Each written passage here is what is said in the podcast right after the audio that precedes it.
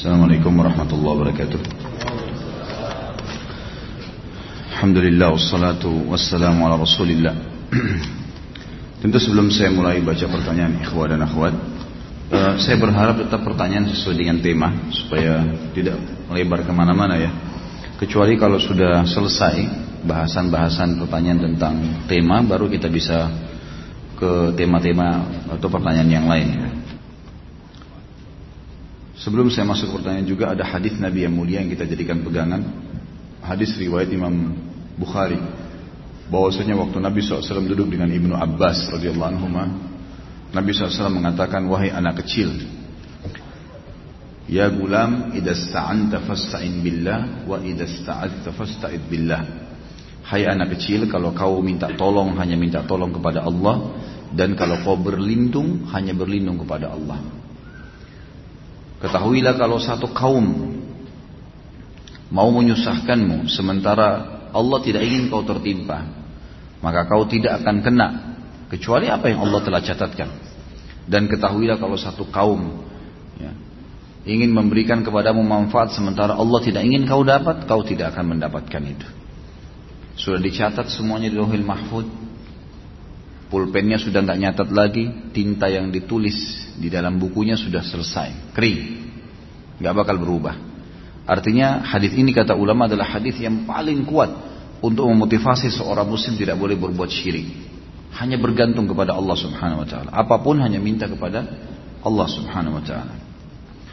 Baik, pertanyaan pertama, Allahumma inni as'aluka jannata wa ma ilaiha min qaulin wa amal Wa bika minan nar wa qarraba ilaiha min qaulin wa amal. Saya selalu berdoa ini. Bagaimana menurut Ustaz terus? Terima kasih.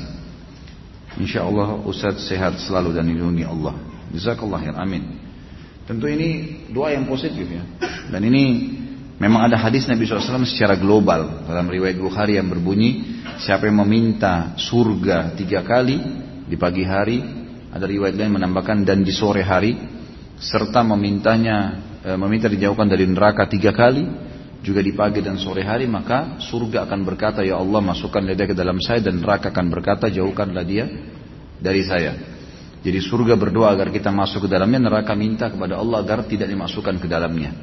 Maka dari hadis ini banyak ulama yang uh, menulis doa-doa di antaranya doa seperti ini.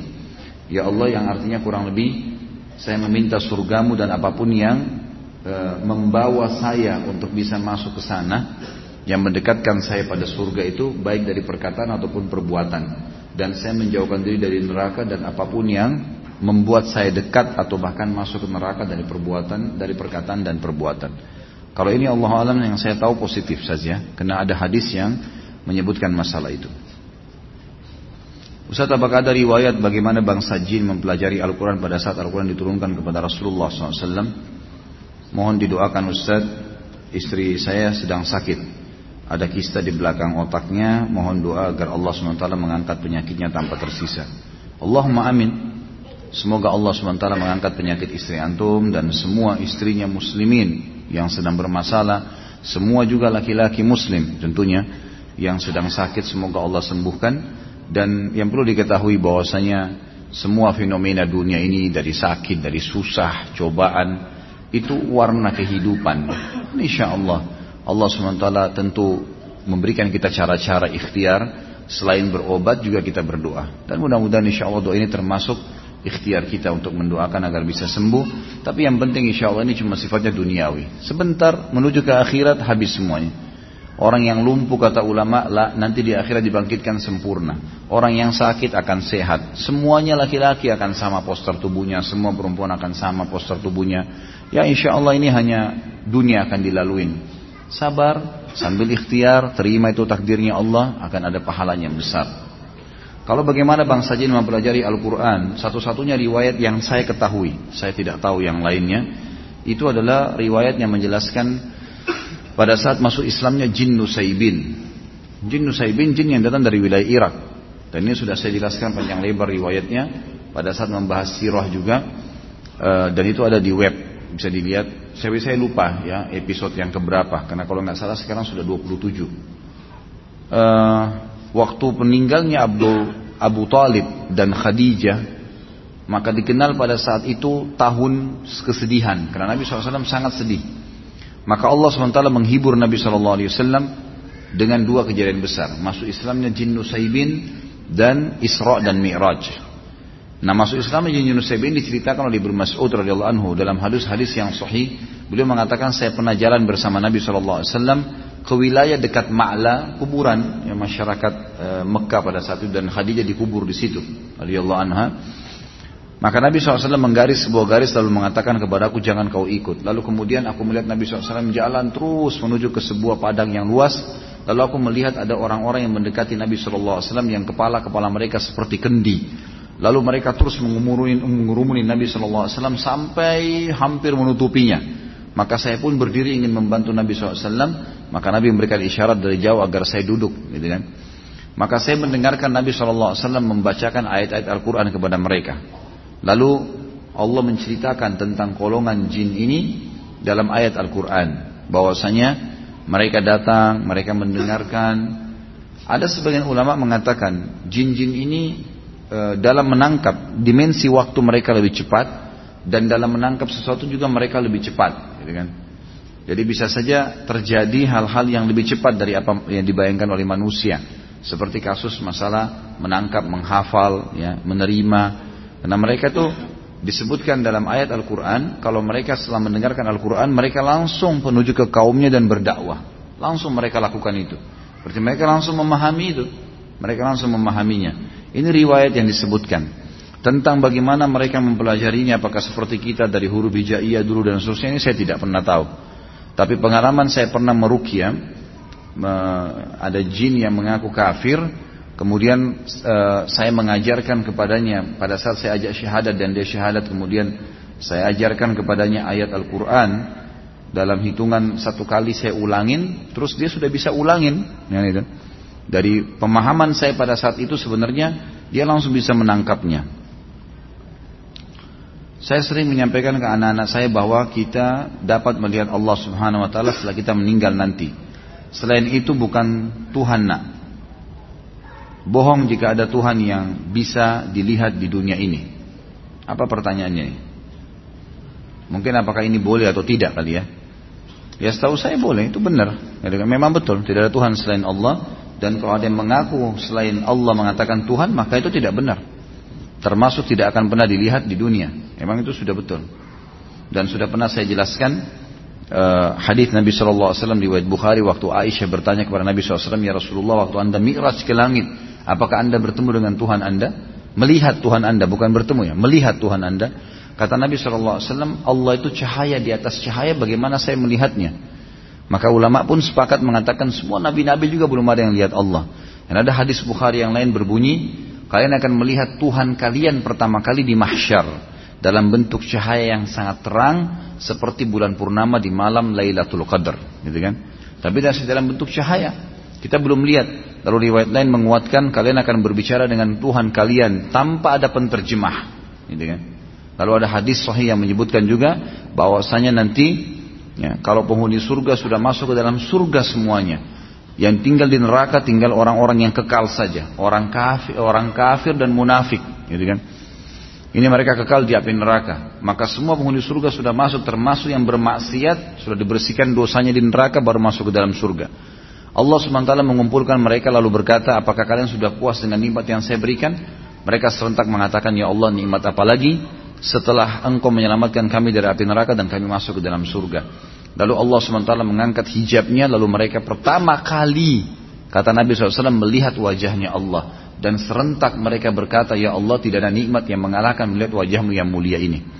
Berarti memang di sini kita lihat Allah subhanahu wa ta'ala dalam riwayat-riwayat ini disebutkan akan kelihatan nanti di akhirat dan hanya akan dilihat oleh ahli surga. Sampai kalau kita baca buku-buku tentang surga, kayak pernah buku-buku yang saya sebutkan ada Tamasya ke surga, ada Rasulullah SAW cerita tentang surga, beberapa buku tentang surga yang disebutkan eh, yang sudah diterjemahkan ke bahasa Indonesia itu semuanya sepakat menyebutkan nikmat terbesar di surga adalah melihat wajahnya Allah yang mulia. Maka sudah tepat kalau kita katakan Tuhan tidak ada kecuali Allah, dan Tuhan itu hanya akan kelihatan di akhirat dan hanya eh, kalau kalau ada yang terlihat di dunia berarti itu bohong, itu bukan Tuhan, itu betul. Karena memang ada dalil sahih yang menjelaskan masalah itu. Bagaimana kalau ada seorang ustadz atau kiai yang bisa melihat hal-hal gaib dan masa depan? Apakah ini juga termasuk syirik? Ini maaf, bukan kiai. Ya. Ini dukun. Ya. Ini dukun. Nggak ada itu. Bagaimana cara? Gitu kan?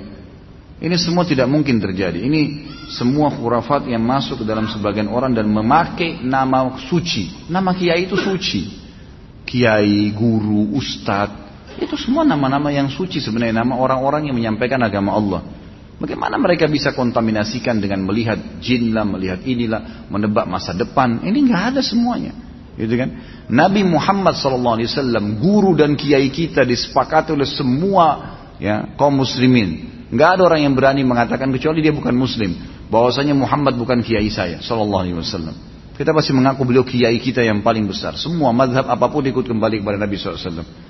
Nabi SAW kalau didatangin oleh beberapa sahabat yang bertanya dan beliau belum tahu hukumnya, belum ada wahyu, beliau diam, tidak ngomong.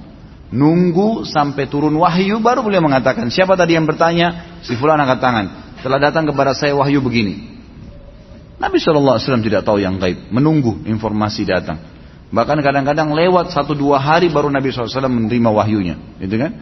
Waktu dituduh Aisyah berzina, nanti akan kita bahas itu dalam dosa besar tentang menuduh orang mukminah berzina itu sempat wahyu terputus dari Nabi SAW kalau tidak salah sebulan. Nggak ada wahyu turun. Nabi SAW tidak tahu benar nggak istrinya berzina nih. Sampai beliau bingung sendiri menghadapi Aisyah pada saat itu. Ngumpulin sahabat nanya sahabat bertengkar ribut ada yang dukung ada yang enggak. Datang ke rumahnya Aisyah Ditanyakan Aisyah, Aisyah mengatakan tidak, saya tidak melakukan sampai turun firman Allah Subhanahu wa taala. Nabi SAW terjadi pada rumah tangganya. Turun ayat Al-Qur'an nanti akan kita bahas tuh. Ayat-ayatnya lengkap semua menceritakan. Beliau tidak tahu yang gaib. Bagaimana ada orang yang mengaku kiai kemudian bisa melihat yang gaib, bisa tahu masa depan? Bagaimana caranya? Allah mengatakan dalam Al-Quran tentang Nabi SAW dan Nabi disuruh ucapkan itu. A'udzu billahi minasyaitonir rajim. Qul law kuntu a'lamul ghaiba lastakthartu minal khairi wa ma massani su Katakan hai Muhammad kepada mereka, kalau saya ini tahu yang gaib, maka pasti saya akan perbanyak kebaikan-kebaikan dan saya tidak akan ditimpa masalah. Tidak akan ditimpa masalah karena sudah tahu oh di sana nanti ada orang yang ganggu saya. Udah saya nggak usah ke sana. Nabi SAW di perang Uhud kena pedang. Sampai kemarin kita bahas Abi Abar Abdurrahman bin Auf bagaimana melengket pedang di topi besi beliau. Dan Abdurrahman cabut radhiyallahu anhu dengan giginya sampai giginya tanggal. Luka berdarah kening Nabi SAW gigi beliau sempat pecah. Pundak beliau kena, sempat kena hantaman pedang orang kafir. Nabi SAW tidak tahu itu sebelum keluar dari Uhud eh, sebelum keluar dari Madinah. Nggak tahu sama sekali. Bahkan beliau mengatakan saya rasakan sakitnya sebulan. Gitu kan. Kalau Nabi SAW tahu Nabi tidak akan keluar. Tapi memang begitulah. Gitu kan. Memang tidak ada yang tahu. Dan ini sudah panjang lebar. Ada juga judul di YouTube bisa dilihat ceramah saya uh, Kiaiku Muhammad Kiai Anda siapa. Panjang lebar saya jelaskan. Banyak dalil-dalil Al-Quran. Banyak sekali. Yang menjelaskan kalau Nabi SAW tidak tahu hal-hal yang gaib. Tidak tahu masa depan. Gitu kan. Jelas semuanya itu. Pak Ustadz apakah saya termasuk syirik? Saya ikut asuransi dengan pemikiran jika lo ditimpa sakit ada jaminan untuk berobat. Itu bukan syirik. Kan? Itu bukan syirik kan? Karena itu bentuk ikhtiar, gitu kan? bentuk ikhtiar. Saya makan makanan yang sehat supaya saya tidak sakit. Nah, itu ikhtiar, berbeda. Syirik ini begini, syirik ini dasarnya ibadah dialihkan kepada selain Allah. Tadi saya kasih contoh, menyembeli itu mestinya untuk Allah, baca Bismillah, hadap kiblat, ada caranya. Tapi nggak dibawa ke kuburan, dikasih pohon, gitu kan? Seperti saya dengar fenomena di kota Makassar kemarin ada seorang pengusaha punya kapal besar, masya Allah, pedagang kayu, papan-papan dari Kalimantan dibawa ke Jawa, dibawa ke Sulawesi. Waktu saya jelasin masalah syirik, dia bilang Ustaz, Ustaz sudah tahu belum di pelabuhan kota Makassar nih, itu setiap kapal baru mau diturunkan, diluncurkan, pasti mereka sembeli kambing lempar ke lautan. Untuk apa pak? Ya supaya kapalnya selamat. Ini syirik. Apa hubungannya kambing dilempar ke air? Coba dia kasih kita, kita makan kan kambing itu. Kasih orang miskin, anak yatim lebih baik. Ngapain dilempar? Hanya dimakanin oleh ikan. Tapi bagi syaitan, dia nggak penting. Antum ini mau sembeli kambing atau nyamuk. Yang penting syirik. Yang penting nyembeli niat dia untuk selain Allah. Gitu. Yang penting dia sekutukan Allah di situ. Doa disuruh minta hanya kepada Allah. Enggak datang. Minta-minta kepada benda, pohon, kuburan. Saya sudah kasih contoh. Ada fenomena banyak di Indonesia kuburan-kuburan yang diangkat, dikultuskan kalau itu kuburan hebat, gitu kan? Maka mereka kalau baru menikah datang ke sana minta diberkahi. Ini nggak boleh semuanya. Dari mana ini? Taruh air di kuburan tiga hari dianggap berkah. Padahal kalau dia taruh di kulkas enak dingin tuh. Taruh di kuburan ngapain gitu? Orang butuh didoain gitu. Sekarang sudah tambah hebat nih, teman-teman lagi pada kirimin saya masuk di WhatsApp tuh. Sekarang kuburan dipasangin MP3 Al-Quran Supaya 24 jam ngaji Kalau begitu enak sekali koruptor tuh Hah? Pezina, pemabuk, pasangin aja Al-Quran itu katanya diampuni dosanya Luar biasa ini dari mana Tidak pernah dalam riwayat Nabi datang baca Al-Quran di atas kuburannya sahabat Kenapa kita ini tidak mau kembali ke riwayat yang benar sih Suka iseng nyari sesuatu yang tidak ada dasarnya Kenapa itu Hah? Wahyu sudah ada, Al-Quran sudah lengkap 30 juz, hadis sudah jutaan jumlahnya, baca itu. Ini kebanyakan karena kamu baca ini, kamu membaca, akhirnya begitu, ngarang-ngarang sembarangan. Kita sudah punya rujukan kok, gitu. Kenapa harus ke sana sini?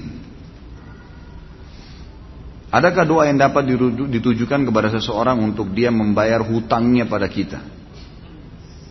Setahu saya tidak tahu ya, ada, ada riwayat khusus masalah ini. Yang ada riwayat itu kalau kita terlilit utang, gitu kan? Karena Ibnu Abbas mengatakan kalau engkau membaca dalam riwayat sahih kalau engkau membaca Allahumma kfini uh, Allahumma kfi uh, Allahumma kfini bihalalika an haramik waqdin li fadlika amman siwak Allahumma kfini bihalalika an haramik Ya Allah cukupkanlah aku menikmati yang halalmu dan jauhkan aku dari yang haram waqdini bifadlika amman siwak dan lepaskan saya dari ketergantungan kepada selainmu, maka akan dibayarkan utangmu oleh Allah walaupun memenuhi langit. Kata Ibnu Abbas Ini harus diamalkan dan ingat kalau berdoa ikutkan dengan hadis Nabi yang lain riwayat Bukhari, "Ud'ullaha mukinuna bil ijabah." Berdoa sama Allah diikuti dengan keyakinan penuh Allah akan ijabah. Fa inna Allah la yakbalu ad-du'a min qalbil ghafil. Allah tidak akan pernah terima doa dari hati yang lalai. Doa ya Allah diterima nggak ya? Eh, ragu. Eh. Atau sambil berdoa sambil ingat makanan, ingat pasangan, ingat ini nggak bisa. Harus dengan yakin, gitu ya. Jadi kalau doa untuk buat orang lain bayar Allah Allah yang saya tahu berdoa kepada Allah bisa itu bukan mustahil. Pernah terjadi dalam sebuah riwayat yang sahih uh, Umar bin Khattab pada saat mengirim pasukan di perang Qadisiyah menembus ya uh, apa benteng-benteng Persia. Nah, pada saat itu pasukan muslimin yang masuk dari 12.000 orang pasukan ini itu kan kalau pasukan jihad masuk dan menang berarti lokasi yang ditembus itu menjadi harta rampasan perang. Jadi miliknya mereka, miliknya mujahid. Jumlah mereka kecil, wilayah Persia besar, gitu kan? Ini kalau dibagi ini luar biasa gitu. Maka waktu itu mereka sudah mau bagi, tapi sebelumnya minta saran Umar bin Khattab. Umar berpikir untuk apa mujahid ini nggak butuh sebanyak ini. Maka Umar bin Khattab juga berpikir mereka mu'allaf baru masuk Islam, baru mengenal Islam lebih baik ganima ini antara rampasan perang dibagi aja, tetap pemilik pemiliknya tapi di, dikasih setengah kepada para mujahid. Waktu itu Bilal radhiyallahu anhu sahabat Nabi yang lain menolak. Waktu Umar bin Khattab kasih keputusan kata Bilal ya Amir Mukminin, jelas hukum agama kita, gitu kan? Ini dibagi untuk mujahidin. Maka Umar bin Khattab mengatakan wahai Bilal, pikirkanlah kalau kau mendapatkan sekian bagian dari Persia, kau mau apain tuh harta? Banyak sekali, gitu kan? Dan mereka itu orang-orang yang baru masuk Islam. Lebih baik kamu berbagi dengan dia sambil kamu ajarkan Islam. Ini pendapat Umar. Tapi Bilal tetap ngotot, nggak mau.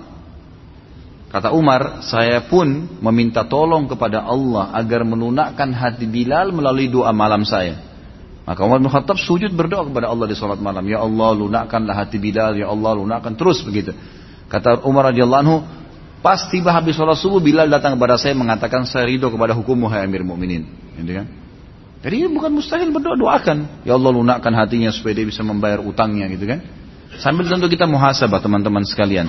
Jadi kadang-kadang kita juga ini terlalu banyak uh, terlalu pintar menyalahkan orang, tidak bermuhasabah.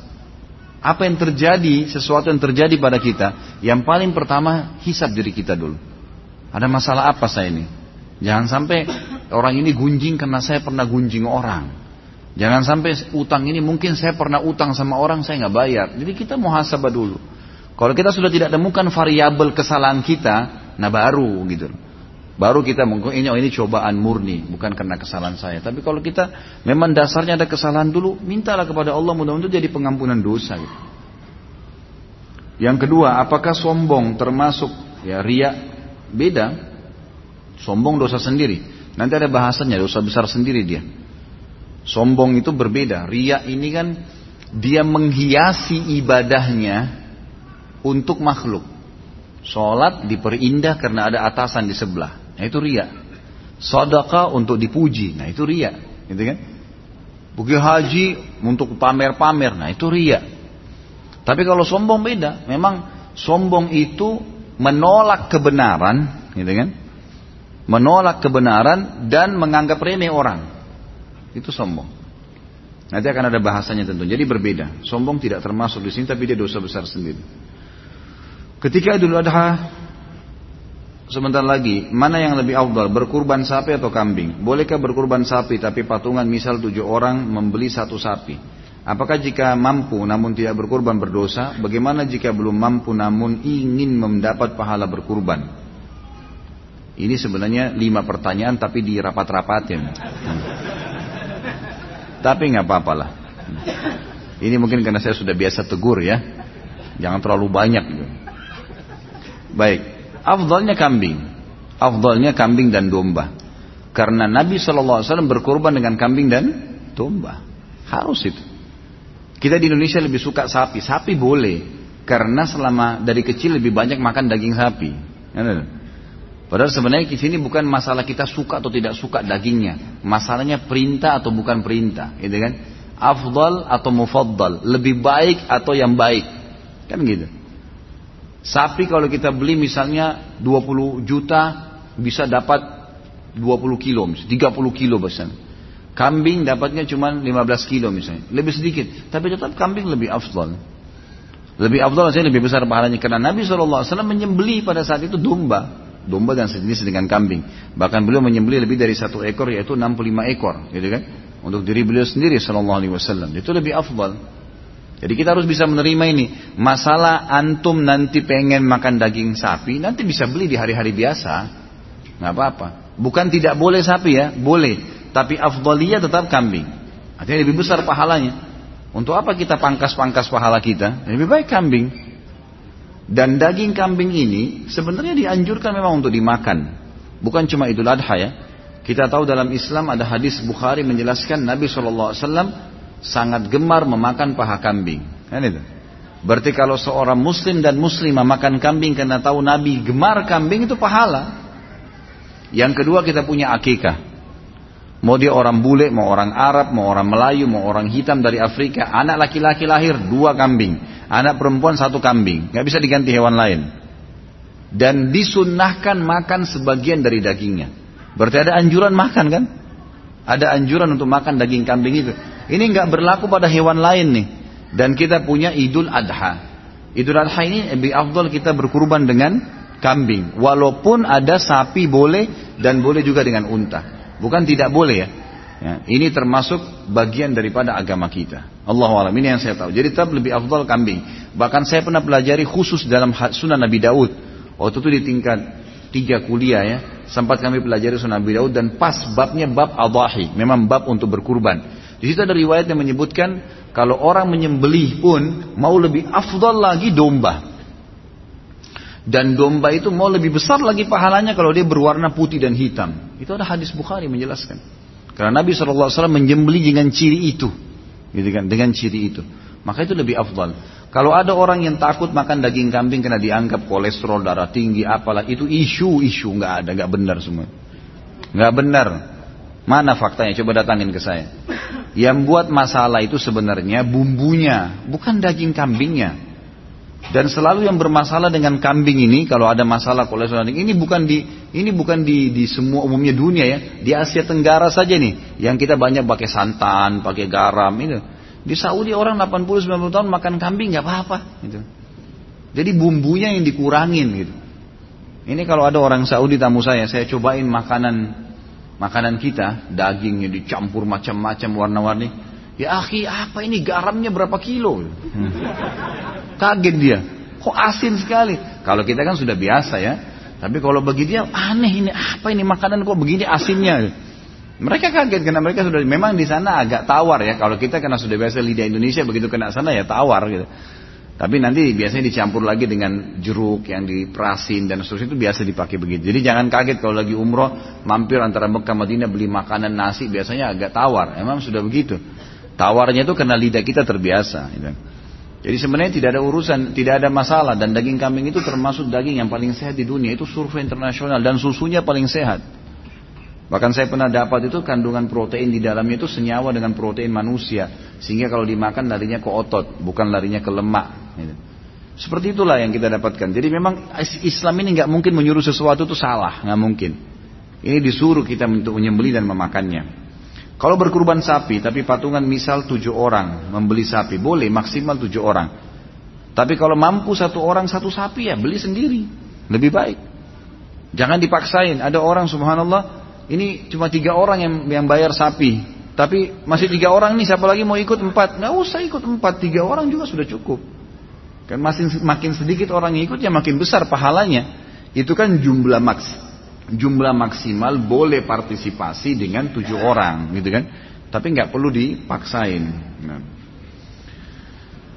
jika mampu namun tidak berkurban berdosa tentu berdosa karena ini wajib fasalli li rabbika wanhar salatlah idul adha itu dan sembelihlah di sini pakai fi'il amr ya Fi'il amr ini berarti perintah. Kata ulama bagi yang mampu ini jumhur. Saya bicara mayoritas ulama. Jumhur ulama mengatakan yang mampu tidak kurban dosa.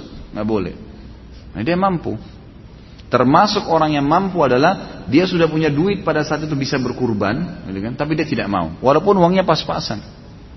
Karena ini ibadah kepada Allah Subhanahu wa taala. Bagaimana bila jika belum mampu namun ingin mendapatkan pahala kurban? Niat. Niatkan pertama, yang kedua partisipasilah, ikut di situ. Mungkin di kita rumah kita ada masjid yang lagi ikut kurban, Coba ikut belajar menyembeli. Menyembeli itu ada pahalanya sendiri loh. Ini laki-laki semua ini saya sarankan jangan tidak bisa menyembeli. Menyembeli, coba belajar. Datang ke masjid, coba ikut belajar. Tanya orangnya gimana caranya. Sebentar saya tahun lalu habis khutbah Idul Adha di Kalibata City ada mungkin 23 ekor sapi sama kalau tidak salah ya saya salah ingat itu 40 ekor kambing. Itu habis sholat id, lalu saya langsung datang, saya praktikin, saya sembelikan sapinya, saya sembelikan kambingnya depan mereka. Saya panggil jemaah laki-lakinya semua, ayo pak, coba langsung. Ada yang takut Ustaz? Enggak, enggak usah takut. Laki-laki kok takut? Enggak, jangan geli. Kenapa harus geli? Kok lihat darah geli ini unik juga nih.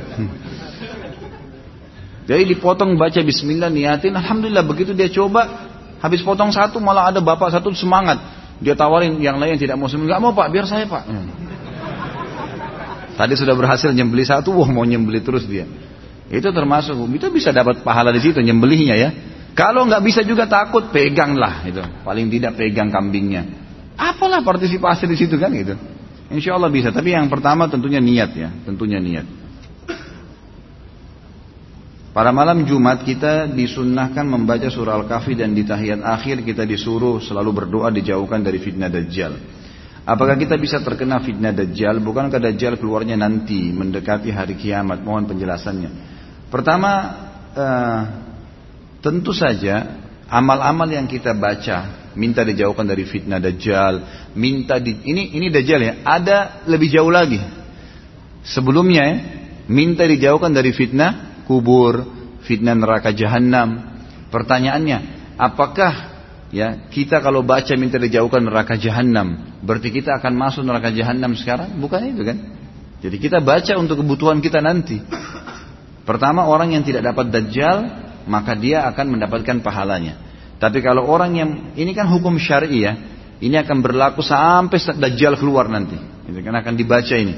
Bahkan sebagian ulama mengatakan doa ini walaupun Dajjal sudah terbunuh nanti dalam hadis Sahih Bukhari dikatakan Nabi Isa akan datang membunuh Dajjal dan setelah itu menghancurkan salib, membunuh babi, kemudian tidak ada satu rumah pun di muka bumi kecuali semuanya masuk Islam dan Isa akan berhukum dengan hukumku Al-Quran. Maka Nabi Isa AS sholat seperti sholatnya muslimin, puasa seperti puasa muslimin, haji seperti haji muslimin. Pada saat itu bacaan doa ini kata ulama mesti dibaca. Padahal Dajjal sudah dibunuh. Kenapa dibaca? Karena perintah Allah. Bagi yang belum mendapatinya kayak kita sekarang, bagi yang dekat mendapatinya atau sementara Dajjal masih hidup, bagi yang sudah Dajjal mati pun ini perintah agama. Tetap dilakukan. Seperti itu memahaminya.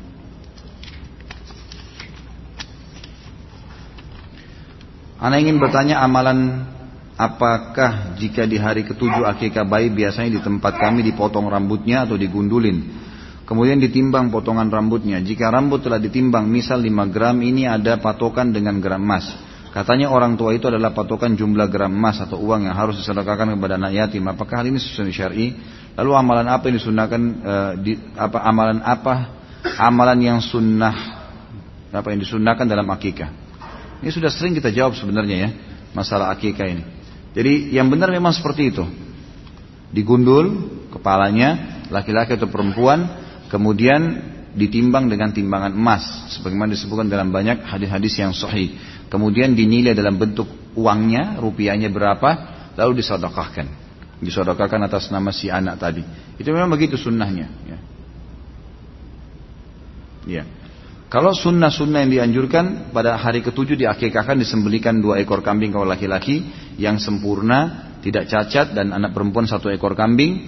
Kemudian e, diberikan nama yang baik, ya. Kemudian e, juga e, diberikan nama, diakikahkan, ditahnik, ya, dikunyahkan kurma, ditempelin di langit-langitnya, gitu kan. Jadi itu semua disunnah-sunnahkan insya Allah. Tapi tidak ada anjuran-anjuran yang seperti umumnya orang lakukan ya. Misal bayi tersebut dikelilingi, semua tamu disuruh guntingin rambutnya, ini nggak perlu. Nggak perlu, bahkan tidak ada anjuran untuk mencukur rambutnya di depan orang-orang. Iya kalau orang itu benar, kalau dia salah kan bisa luka kepala bayinya. Jadi lebih baik kita sendiri yang cukur, udah cukur rambut itu kan ditimbang-timbangan. Tidak dilihat oleh orang pun tidak ada masalah. Akikah itu boleh sebagai tanda syukur kan sebagian ulama dipanggil orang makan, kalau enggak pun dibagiin kepada orang lain. Gitu kan? Itu tidak ada masalah. Apakah Ustaz Halil keturunan orang Arab? Nah. Banyak teman anak keturunan Arab di Indonesia jika ditanya dalam hal pernikahan, mereka mengatakan tidak boleh menikah dengan selain keturunan Arab, misal dengan pribumi dan lainnya dan harus menikah dengan keturunan Arab juga dengan alasan agar keturunannya atau marga Arabnya tidak hilang atau terputus. Apakah benar demikian adatnya? Jika demikian anak orang pribumi tidak mungkin mendapatkan kesempatan mendapatkan orang keturunan Arab. Hmm.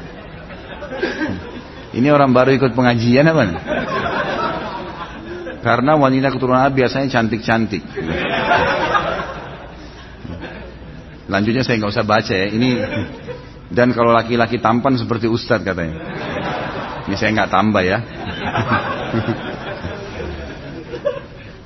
Ada keturunan memang. Ya, kakek-kakek saya dari turunan Yaman. Tapi saya sudah pernah bilang teman-teman sekalian.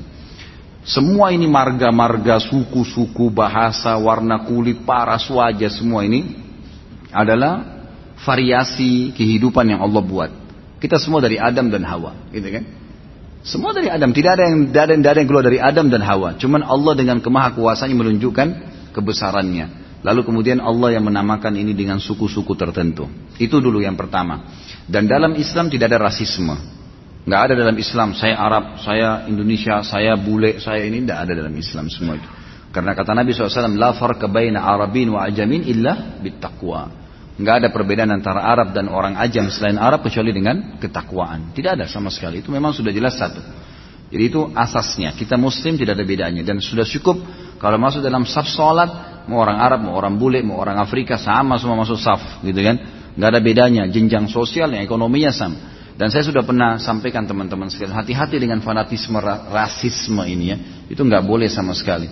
Jadi misalnya uh, Hadis yang pernah saya sampaikan bahwasanya ada orang-orang dari uh, Ansar ya, dari Muhajirin. Maaf, dari orang-orang Ansar, dari satu orang Ansar bercanda. Ini sama-sama turunan Arab dari sahabat Nabi di Madinah waktu Nabi SAW masih hidup. Orang Ansar ini keluar dari masjid, habis sholat asar, lalu bercanda sama teman-temannya semua, ada muhajir, ada orang Ansar. Dia bilang, hai orang-orang Ansar ke sini yuk, kumpul-kumpul. Muhajirin gak boleh ikut ya. Kalau kita mungkin, ini orang Betawi ngumpul sini, sana orang Jawa gak boleh ikut. Misal contoh, bercanda. Nah orang-orang muhajir ini juga dengar teman-temannya orang Ansar bercanda, dia juga bercanda. Ayo muhajir ke sini yuk. Ansar nggak boleh ikut-ikut ya, gitu. Sambil ketawa-ketawa mereka gitu. Subhanallah dengan hikmah Allah Nabi SAW pas keluar dengar itu. Dikatakan dalam hadis Bukhari raut wajah beliau berubah. Lalu beliau mengatakan da'ha fa innaha mumkinah. Segera berhentikan ini karena ini penghancuran. Gitu kan? Dalam hadis yang lain dikatakan tinggalkanlah karena ini yang membinasakan kalian. Nggak ada dalam Islam itu. Gitu kan? Ini penting. Termasuk di dalamnya masalah pergaulan, pertemanan, patokannya ketakwaan, pernikahan, semua itu. Cuma memang dalam Islam, khusus masalah pernikahan, kita tidak dipaksa, gitu kan? Boleh menikah dengan siapa saja. Tetapi ada anjuran dalam Islam untuk menikah dengan sepadan namanya. Sepadan itu sekufu.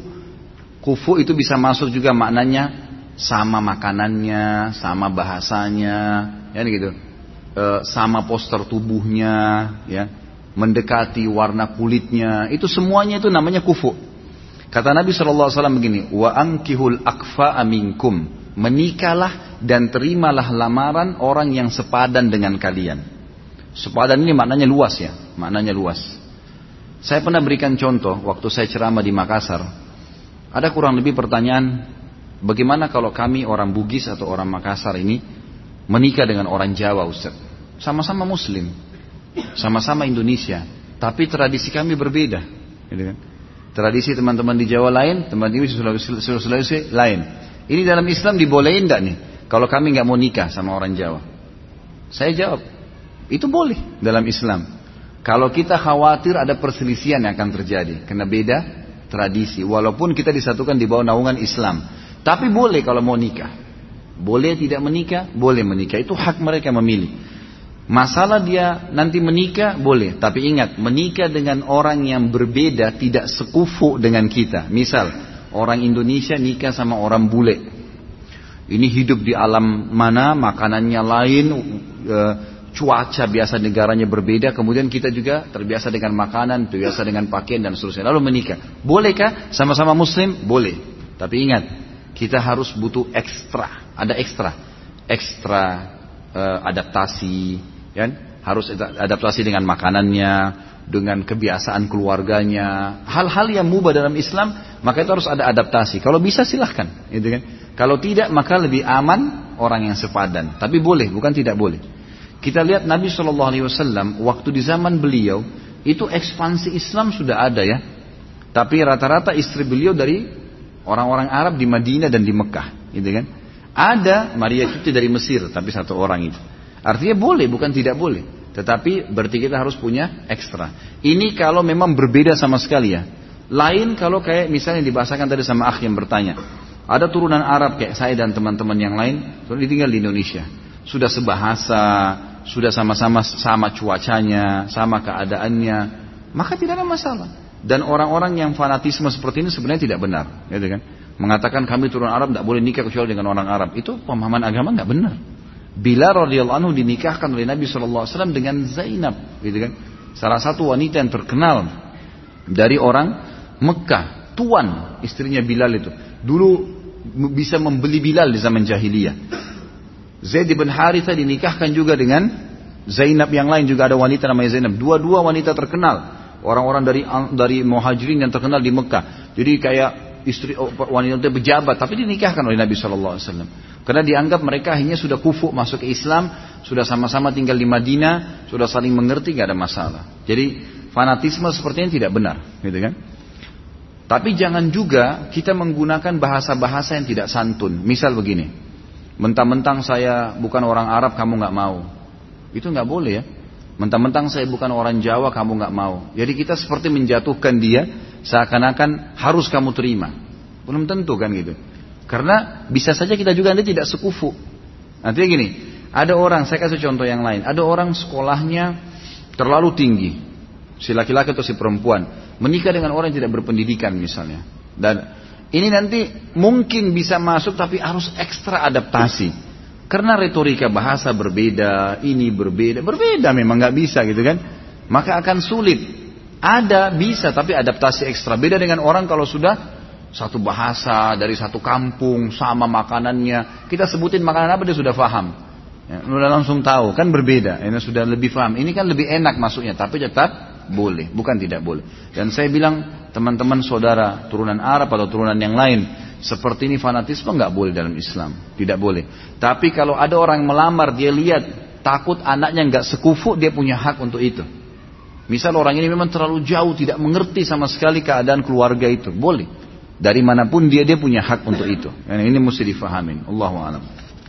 Wah ini panjang nih. Saya cari yang pendek-pendek dulu. Ustaz istri saya seorang wanita yang berkecukupan sehingga segala kebutuhannya mampu ya penuhi sendiri tanpa harus meminta lagi, apalagi menuntut nafkah dari saya. Maksud saya di sini nafkah harta dan kebutuhan lahiriah.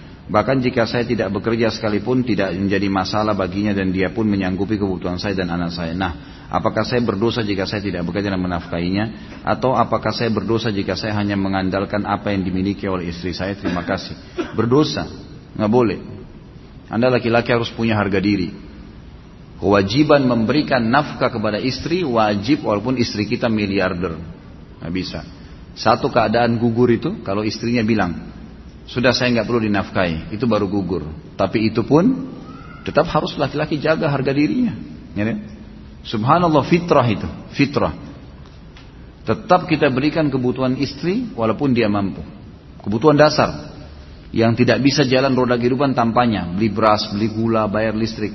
Kalau istri kita misal dia mau beli mobil dengan duitnya dia, itu boleh saja. Itu sudah bukan bukan masuk dalam nafkah itu. Karena nafkah itu sesuatu yang tidak bisa kalau tidak tidak jalan kehidupan tanpanya, nggak bisa hidup. Air, gula, beras dan seterusnya ini harus ada. Itu nafkah. Tetap kita penuhin itu. Selebihnya kalau istri yang mau mengubah rumah, mau gubah garasi rumah, mau cat ini pakai duitnya dia, ya terserah dia, silahkan, gitu kan? Tapi tetap sebagai laki-laki harusnya punya harga diri dan saya sarankan jangan jangan terhanyut dengan itu, ya, karena itu ada pahala sendiri. Bahkan kata Nabi SAW mengatakan bagi laki-laki dinar yang engkau infakkan di jalan Allah, jihad, dinar yang engkau berikan kepada pembebasan budak, dinar yang kau berikan kepada fakir miskin dan dinar yang engkau berikan untuk istri dan anakmu jauh lebih besar pahalanya. Jadi memberikan nafkah kepada istri anak lebih besar daripada pahala jihad tuh, daripada bebasin budak. Mestinya kita kejar fadilah itu, gitu kan? Jadi walaupun pas-pasan kita harusnya ya apa namanya memberikan nafkah itu. Ada beberapa pertanyaan yang ingin saya tanyakan apa hukumnya membuka tali pocong mayat sebelum dikubur. Ini kita masalah syirik sebentar rumah tangga sebentar ini ke mana-mana pertanyaannya. Dan membuka wajah mayat sehingga menempel ke tanah. Ya. Sebenarnya e, masalah ikat tali dibuka atau tidak itu tidak ada masalah. Masalah talinya. Dan ini saya, sarankan tidak usah dibilang pocong. Karena ini pocong sudah negatif. Gitu. Jadi memang tali kain kafannya gitu kan. Nah, tali kain kafan itu tidak ada masalah dibuka atau enggak itu tidak ada masalah. Setahu saya Allah alam itu enggak itu kan diikat juga supaya tidak supaya tidak uh, terbuka aja kainnya kan gitu. Tapi memang ada anjuran, ada anjuran untuk bagian wajah itu dibuka pada saat ditaruh di kuburan. Itu yang saya tahu. Tapi tali itu saya tidak pernah tahu dibuka atau enggak gitu. Apa hukum hipnotis yang dilakukan tanpa bantuan jin seperti di acara-acara televisi? Itu pakai jin. Itu pakai jin. Dari mana hipnotis tidak pakai jin? Pakai jin. Itulah yang jinda yang membuat dia bisa masuk ke badannya lalu disuruh menari, disuruh nyanyi, disuruh ketawa. Disuruh, itulah jin permainan. Alasan saja bilang itu ya menguasai alam tidur, alam bawah sadar itu semua cuma cerita. Memang jin di alam bawah sadar, itu kan. Makanya kalau dirukyah dia kesakitan dan itu subhanallah ya itulah cara syaitan, cara sihir begitulah, itulah sihir. Yang antum saksikan sekarang itulah sihir yang sebenarnya. Cuma lagi ditontonin dengan teknologi, dengan ini. Dianggap itu adalah bukan satu, bukan sihir. Ini hanya sekedar begini. Bohong semua. Itulah sihir. Dan jangan ditonton. Karena kata Nabi SAW sudah jelas. Siapa yang bertanya pada penyihir, ya, dukun, peramal. Kata ulama bertanya di sini masuk di dalamnya adalah melihat, memberi dukungan, itu nggak boleh semua. Maka tidak diterima sholatnya 40 hari. Siapa yang datang bertanya, percaya tidak eh, maka dia telah kufur kepada apa yang kepada Muhammad sallallahu alaihi wasallam. Dari mulai malam ini jadi kubusir semua Tommy Refai lupain udah. Nggak boleh nonton. Nggak boleh tuh dukun-dukun, dukun. Cuma modern di modern sekarang sudah ganteng-ganteng kalau dulu kan dukungnya menakutkan itu. Sudahlah. Gitu. Lebih baik nonton Ustadz. Ahsan. Ustadz juga tidak kalah ganteng ya. Apa yang harus kita lakukan apabila lupa Jumat? Jumlah rakaat ketika sholat dan bagaimana tata cara sujud sahwi? Tentu saja diambil yang yang lebih sedikit ya. Kalau misalnya sholat empat rakaat lupa empat atau tiga ya, diambil tiga. Ini kemarin kalau ikut tablik akbar terjawab nih. Riwayat Abdurrahman bin Auf itu kan. Bagaimana beliau waktu Umar bin Khattab dulu dengan Ibnu Abbas radhiyallahu anhu ajma'in bingung. Kata Umar kepada Ibnu Abbas, apakah kau tahu hadis Nabi SAW tentang orang kalau lupa rakaat salatnya? Kata Ibnu Abbas, tidak ya Amir Mukminin. Di zaman khilafahnya Umar. Lalu kata uh, Ibnu Abbas, apakah anda punya informasi? Kata Umar, tidak ada. Lalu kata Ibnu Abbas tiba-tiba Abdurrahman masuk kepada kami dan berkata waktu kami tanya beliau mengatakan saya punya kabarnya. Kata Nabi SAW kalau seseorang kalian tentang sholat kemudian dia lupa dua atau satu kah dia sholat dia pilih satu. Kalau dia ragu tiga kah atau dua dia pilih dua. Kalau dia ragu empat atau tiga dia pilih tiga gitu kan. Kemudian dia sebelum salam sujud sahwi dua kali atau dua kali sujud dan sudah kita sebutkan sujud sahwi boleh membaca bacaan-bacaan sujud dan di antara duduknya tidak usah ya, baca apa-apa. Jadi begitu selesai tahiyat sudah selesai sebelum salam sujud, baca dua sujud, kemudian duduk nggak usah baca apa-apa, sujud, baca lagi bacaan sujud, kemudian duduk lalu salam. Nah, itu. Ini kalau kita mengingat kelalaian kita sebelum salam. Kalau misal antum sholat udah salam nih, udah bubar berdiri ke masjid atau lagi duduk kemudian buka HP ternyata kayaknya tadi kurang satu rakaat deh tapi kita sudah selesai sholat nih. Maka langsung berdiri, tambah rakaat yang kita lupain tuh, langsung saja Allahu Akbar, misalnya satu rakaat kelupa, sholat satu rakaat, sampai salam, gitu kan. Kemudian setelah salam, baru sujud sahwi. Sujud sahwinya setelah salam, karena ingatnya setelah salam sholat awal. Ini hadis Bukhari dalilnya. Bahwasanya Nabi Shallallahu Alaihi Wasallam pernah habis sholat bukan rakaat kedua sholat asar, beliau salam. Begitu tahiyat pertama langsung salam. Lalu beberapa sahabat bingung, kok asar dua rakaat tapi di depan saf pertama ini ada Abu Bakar, ada Umar, ada sahabat-sahabat yang senior dan mereka tidak bicara. Nabi SAW seperti umumnya habis zikir, beliau langsung berdiri menuju ke pintu masjid lalu menunggu di pintu masjid adakah sahabat yang mengeluh yang mau minta sesuatu pada beliau gitu kan. Sampai ada satu sahabat badui datang kepada Nabi mengatakannya Rasulullah, apakah sekarang sholat asar sudah berubah menjadi dua rakaat atau anda lupa? Turun wahyu nggak menyampaikan itu? Kata Nabi, saya tidak lupa, kan gitu. Dan tidak ada wahyu turun. Artinya Nabi yakin ini empat rakaat beliau kerjakan. Ini hadis sahih riwayat Bukhari. Lalu kata Nabi lalu Nabi SAW dalam riwayat lain dikatakan memegang tangannya orang ini lalu berkata masuk ke masjid kebetulan sahabat belum bubar. Apa benar yang orang ini bilang? Benar nggak saya tadi cuma dua rakaat? Kata sahabat benar ya Rasulullah. Langsung dalam riwayat ini Nabi SAW hadap kiblat bertakbir semua sahabat ikut menyempurnakan dua rakaat sampai salam setelah salam baru sujud sahwi. Berarti memang kalau ingat setelah itu sujud sahwinya setelah salam. Apakah meminta doa atau didoakan ke ustadz atau kiai kemudian kita diberi air putih atau serbuk kopi kemudian disuruh untuk meminumnya termasuk syirik? Sebenarnya tergantung ya, karena meniup sesuatu ke air untuk diminum itu kalau fungsinya untuk rukyah, rukyah itu boleh. Tapi kalau umumnya doa itu tidak pernah ada anjuran. Jadi doain apa saja terus ditiup air itu nggak pernah ada anjuran. Tapi kalau untuk merukyah memang untuk mengobati ini memang pernah, gitu kan? Ada beberapa riwayat yang tersebutkan khusus untuk mengobati orang yang keracunan dan kena sihir atau kesurupan. Itu memang ada anjuran difokuskan ke situ. Apakah ketika kita, ketika kita sholat kemudian terlintas di memori pikiran kita, misal kita habis nonton film Mahabharata dan film yang ada dewa-dewa, Athena dan lain-lain.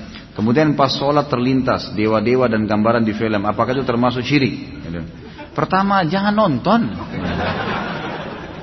Tadi saya bicara tuh jangan, saya bilang anak kecil aja tidak boleh nonton apalagi orang sudah besar. Ngapain mau ditipu dengan cerita kosong? Itu bohong, dusta. Gitu. Dusta semua itu, jangan dinonton. Akhirnya kan lihat efeknya apa yang setan lakukan, dimunculkan dewa-dewa itu. Hmm. Jadi nggak ingat Allah swt. Itu bukan syirik, tapi dosa. Tak kalau syirik kalau anda bilang oh ini Tuhan saya, pas muncul gambarnya dia, anda bilang ini Tuhan saya, nah itu baru syirik, itu nggak boleh, gitu kan? Apakah sholatnya harus diulang? Padahal kita nggak ada niat untuk berpikir ke sana. Namun pikiran akal kita menyimpan memori tersebut. Ya tentu saja tidak diulang. Nah, kecuali kalau memang kita sudah sampai hal-hal yang membatalkan sholat. Seperti misal syirik gitu ya. Menganggapnya oh ini berarti ini Tuhan saya nih. Kita iakan terbawa dalam pikiran itu baru. Karena tidak boleh mengulangi sholat tanpa ada udur syari. Udur syari itu batal, uduknya belum masuk waktu baru ketahuan, salah menghadap kiblat. Nah itu mungkin. Adakah tuntunannya mengadakan pengajian sebelum acara akad nikah dan resepsi?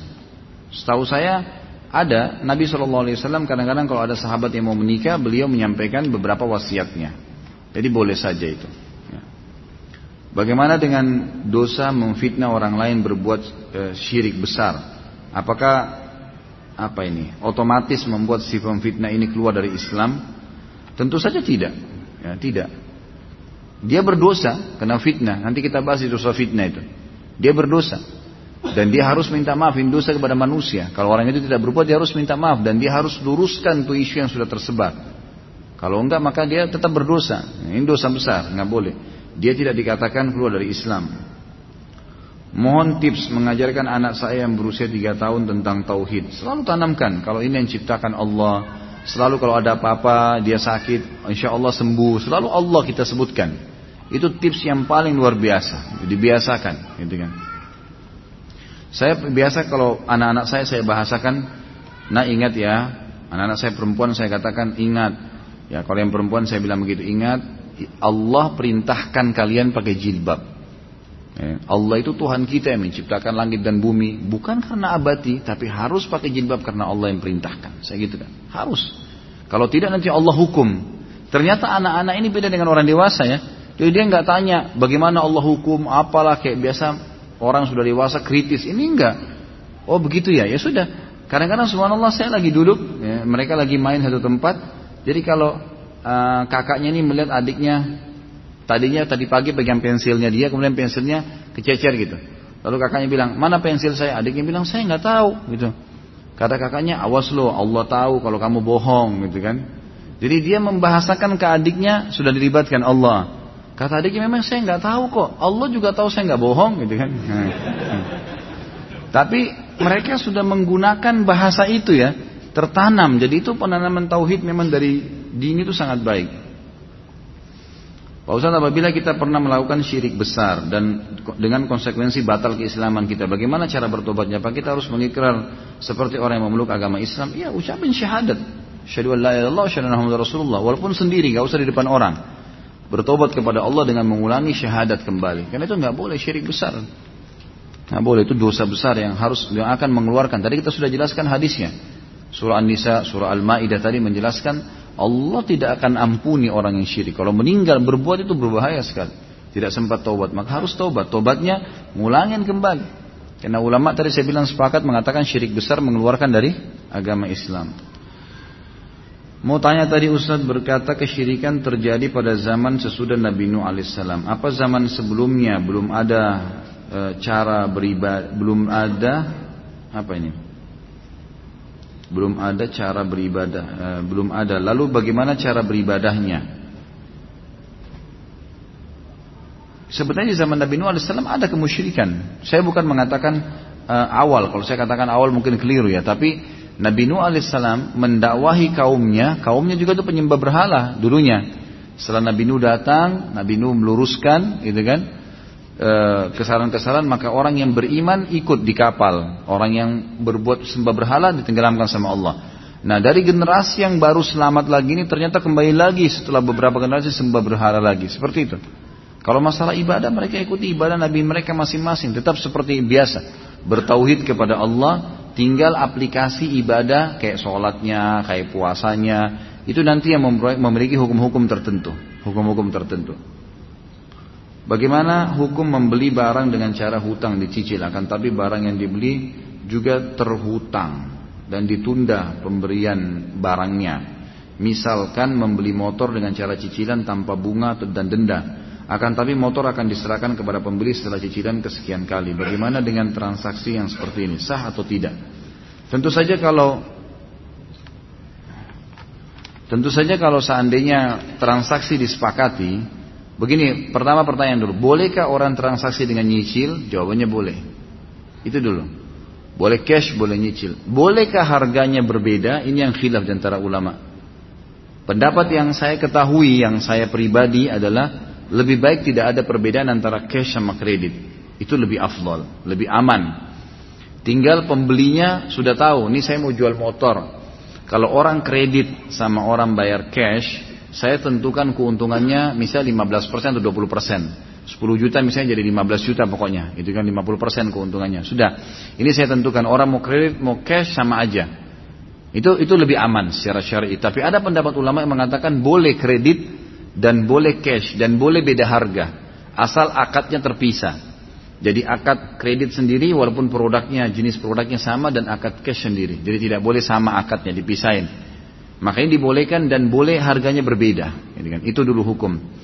Hukum yang lain berhubungan dengan pertanyaan tadi adalah bagaimana kalau seandainya sudah sepakat di akad kredit, akad cash sudah tidak ada masalah.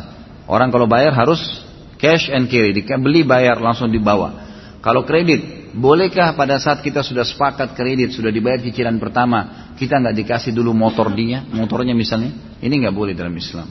Sudah sepakat harus dikasih. Bayar 10 kali. Ya sudah bayar dari awal orang kasih sudah dibayar. Itu haknya dia gitu kan. Kalau nggak mau ya jangan buka kredit. Itu konsekuensinya. Memang begitu. Jadi kita harus memang tahu. Lalu bagaimana kalau kreditnya macet? Boleh disita. Boleh. Tapi caranya secara syari adalah motor disita misalnya. Orang ini harus bayar 10 kali. Dia baru bayar 5 kali nggak bisa lagi jalan. Berarti dia sudah punya duit di motor itu setengah harga. Gitu kan? Pada saat kita sita, maka penyitaan ini adalah bisa dijual motor itu kemudian dikembalikan haknya dia. Orang itu yang sudah bayar. Kalaupun mau dipotong kata ulama adalah dipotong jasa pemakaian selama enam bulan. Misal orang sewa motor umumnya satu bulan, eh, satu hari misalnya 50 ribu motor. Dikalilah jumlah sekian lama yang dia pakai itu, misal lima bulan gitu kan. Dipotonglah itu ongkos seperti sewahnya dia, berikut dia apa namanya dikemba, eh, eh, dipotong dari situ kemudian dikembalikan uang yang sudah dibayar selama enam bulan. Itu secara syar'inya harus begitu. Jadi nggak boleh disita kemudian dianggap uang yang lalu sudah hangus semuanya. Ini nggak boleh. Yang ini. Ini hukum syar'i yang yang semestinya idealnya begitu berjalan. Bagaimana cara meyakinkan kedua orang tua yang masih berpegang pada tradisi yang berbau syirik besar, berdoa kepada kuburan, menyembeli untuk rumah, kebun dan lain-lain agar mereka terhindar dan bertobat dari syirik besar. Tugas kita cuma menyampaikan. Tugas kita menyampaikan dakwah. Kita nggak punya tugas lebih daripada itu. Sambil kita doakan, kita datangkan buku, Ya, pokoknya dinasihatin, diingatkan. Tugas kita. Selebihnya kita nggak bisa buat apa-apa. Apabila seseorang beribadah lalu dia terbersit riak, namun dia sadar bahwa dia riak dan istighfar, mohon ampun, apakah ibadah yang dijalaninya hancur atau diterima? Ada hadis yang berbunyi al yasiru minar riak syirkun. Sedikit saja riak sudah syirik, ini kan sudah batal. Tapi perlu diketahui misal kalau cuma terlintas karena semua ibadah itu Umumnya kata ulama ada riaknya. Pasti syaitan tawarin pertama opsi riak dulu. Gitu kan? Begitu kita sholat, riak dulu ini tawarin. Kalau kita selama kita tidak mengiyakannya, berarti nggak masalah. Jadi dia, itu orang di sebelahmu itu orang begini, itu orang anggap kau doamu panjang dan dan kita nggak iyakan, kita terus baca, kita nggak pedulikan. Seperti orang orang lagi nawarin marketing, nawarin produk, kita jalan saja dia ngomong terus kita nggak pedulikan, nggak ada masalah, gitu kan? nggak mengganggu ibadahnya dia. Tapi kalau kita mampir, dengarin keterangannya, ambil informasi, nah ini jadi masalah, gitu kan? Jadi kalau kita sempat meng mengiyakan itu berarti sudah syirik, nggak boleh. Bahkan sebagian ulama mengatakan kalau sudah terlintas begitu dia batalin sholatnya. Lebih aman dia batalin dia ulangin. Karena sudah berbahaya buat dia. Sudah nggak diterima kalau dia lanjutin. Apakah benar mengharamkan sesuatu yang Allah halalkan lebih besar dosanya daripada syirik? setahu saya e, kalau dia dengan dipertemukan dengan syirik besar maka sama kurang lebih ya. Karena memang hal-hal salah satu yang bisa membatalkan keislaman seseorang itu kalau dia menghalalkan apa yang Allah haramkan atau mengharamkan apa yang Allah halalkan. Ini memang masuk Ibnu Qayyim memasukkan dari 10 poin batalnya keislaman seseorang salah satunya menghalalkan apa yang Allah haramkan dan mengharamkan apa yang Allah halalkan. Ini mungkin dia kelasnya selevel dengan di bawahnya syirik besar. Tapi kalau dipertemukan dengan syirik kecil enggak, beda. Ini pembatalan Islam tadi kan syirik kecil itu riak cuma membatalkan amalan sendiri. Tapi kalau sama syirik besar mungkin dia hampir dekat. Apa yang dimaksud dengan hadis mahfud dan hadis syad? Tentu ini ada bahasan sendiri ya. Mahfud itu yang terjaga, yang syad itu syad itu kalau sesuatu yang diragukan tentang kedudukannya. Kurang lebih makna letter-letternya seperti itu. Dulu saya suka nyanyi goyang dumang yang ditampilkan oleh artis cita-cita atau apa ini. Sehingga kadang saya pengen menghadiri konsernya hampir-hampir saja saya menjadi fans cita-cita tadi itu ya.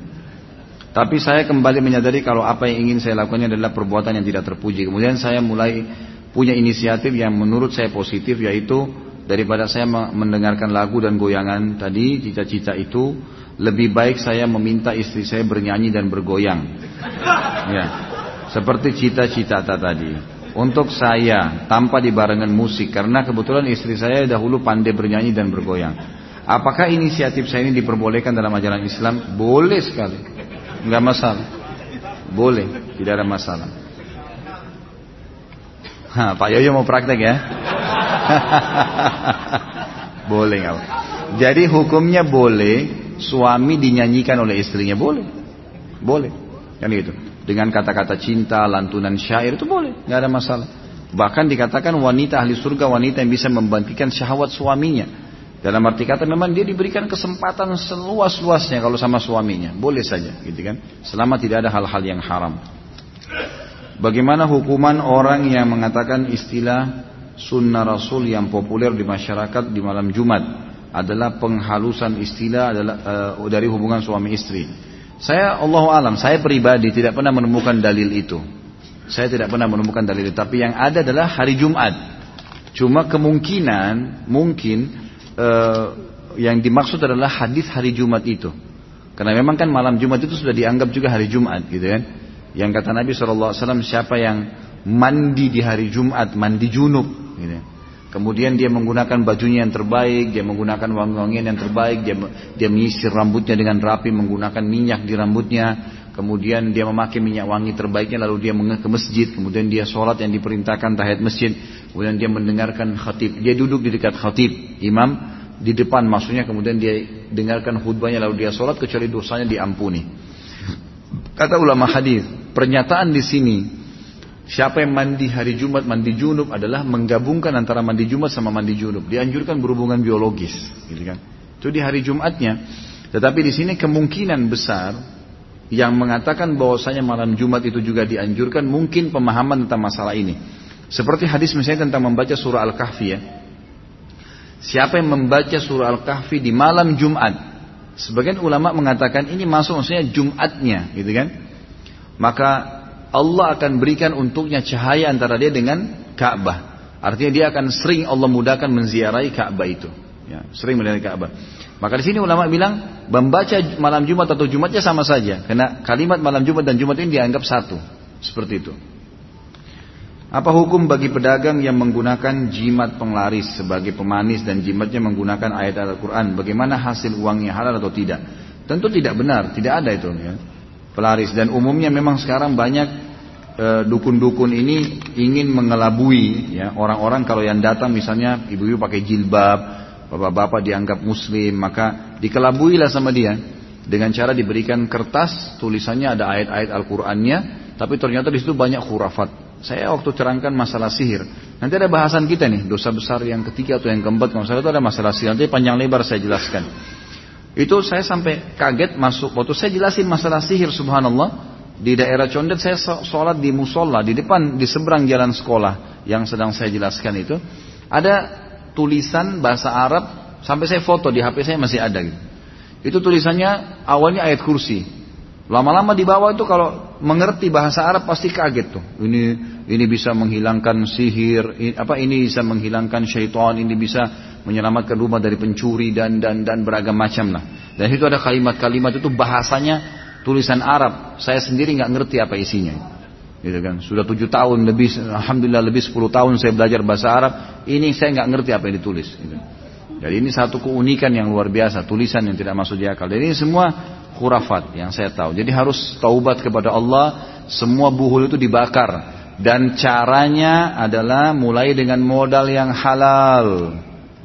Yang manusiawi, jujur dalam transaksi. Apa kata Nabi SAW? Kalau pembeli dan penjual jujur, maka Allah berkahi di transaksi mereka. Pasti laku dan yang beli puas. Itu. Kita mau jual mobil pernah tabrakan. Pernah tabrakan nggak? Pernah. Tapi saya sudah masuk di bengkel, di sini tabrakannya. Insya Allah aku tuh. Oh nggak pernah, mobil saya nggak pernah tabrakan. Pernah sudah tujuh kali tabrakannya. Ini bohong nggak bisa, pasti nggak laku. Sudah ada hadis Nabi, manusiawi aja, nggak usah pakai pelaris-pelaris begitu. Apalagi ikut-ikutan bawa patung kucing lah, apalah macam-macam. Saya kemarin masuk ke Polda ketemu sama salah satu teman saya di situ. Itu ada bawahannya dia pakai patung kucing tuh. Kenapa akhi pakai patung kucing? Ini nggak tahu sudah saya nasihatin tetap aja taruh patung kucing di situ. Yaitu patung kucing untuk panggil pelari supaya orang datang bayar. Ini apa ini? Dari mana akalnya itu patung bisa manggil?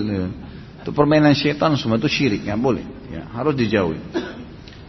Setelah saya mau nanya siapa itu jin dan siapa itu syaitan. Apa benar syaitan itu lebih halus daripada debu? Sudah saya jelaskan sebenarnya. Tapi ya oke lah.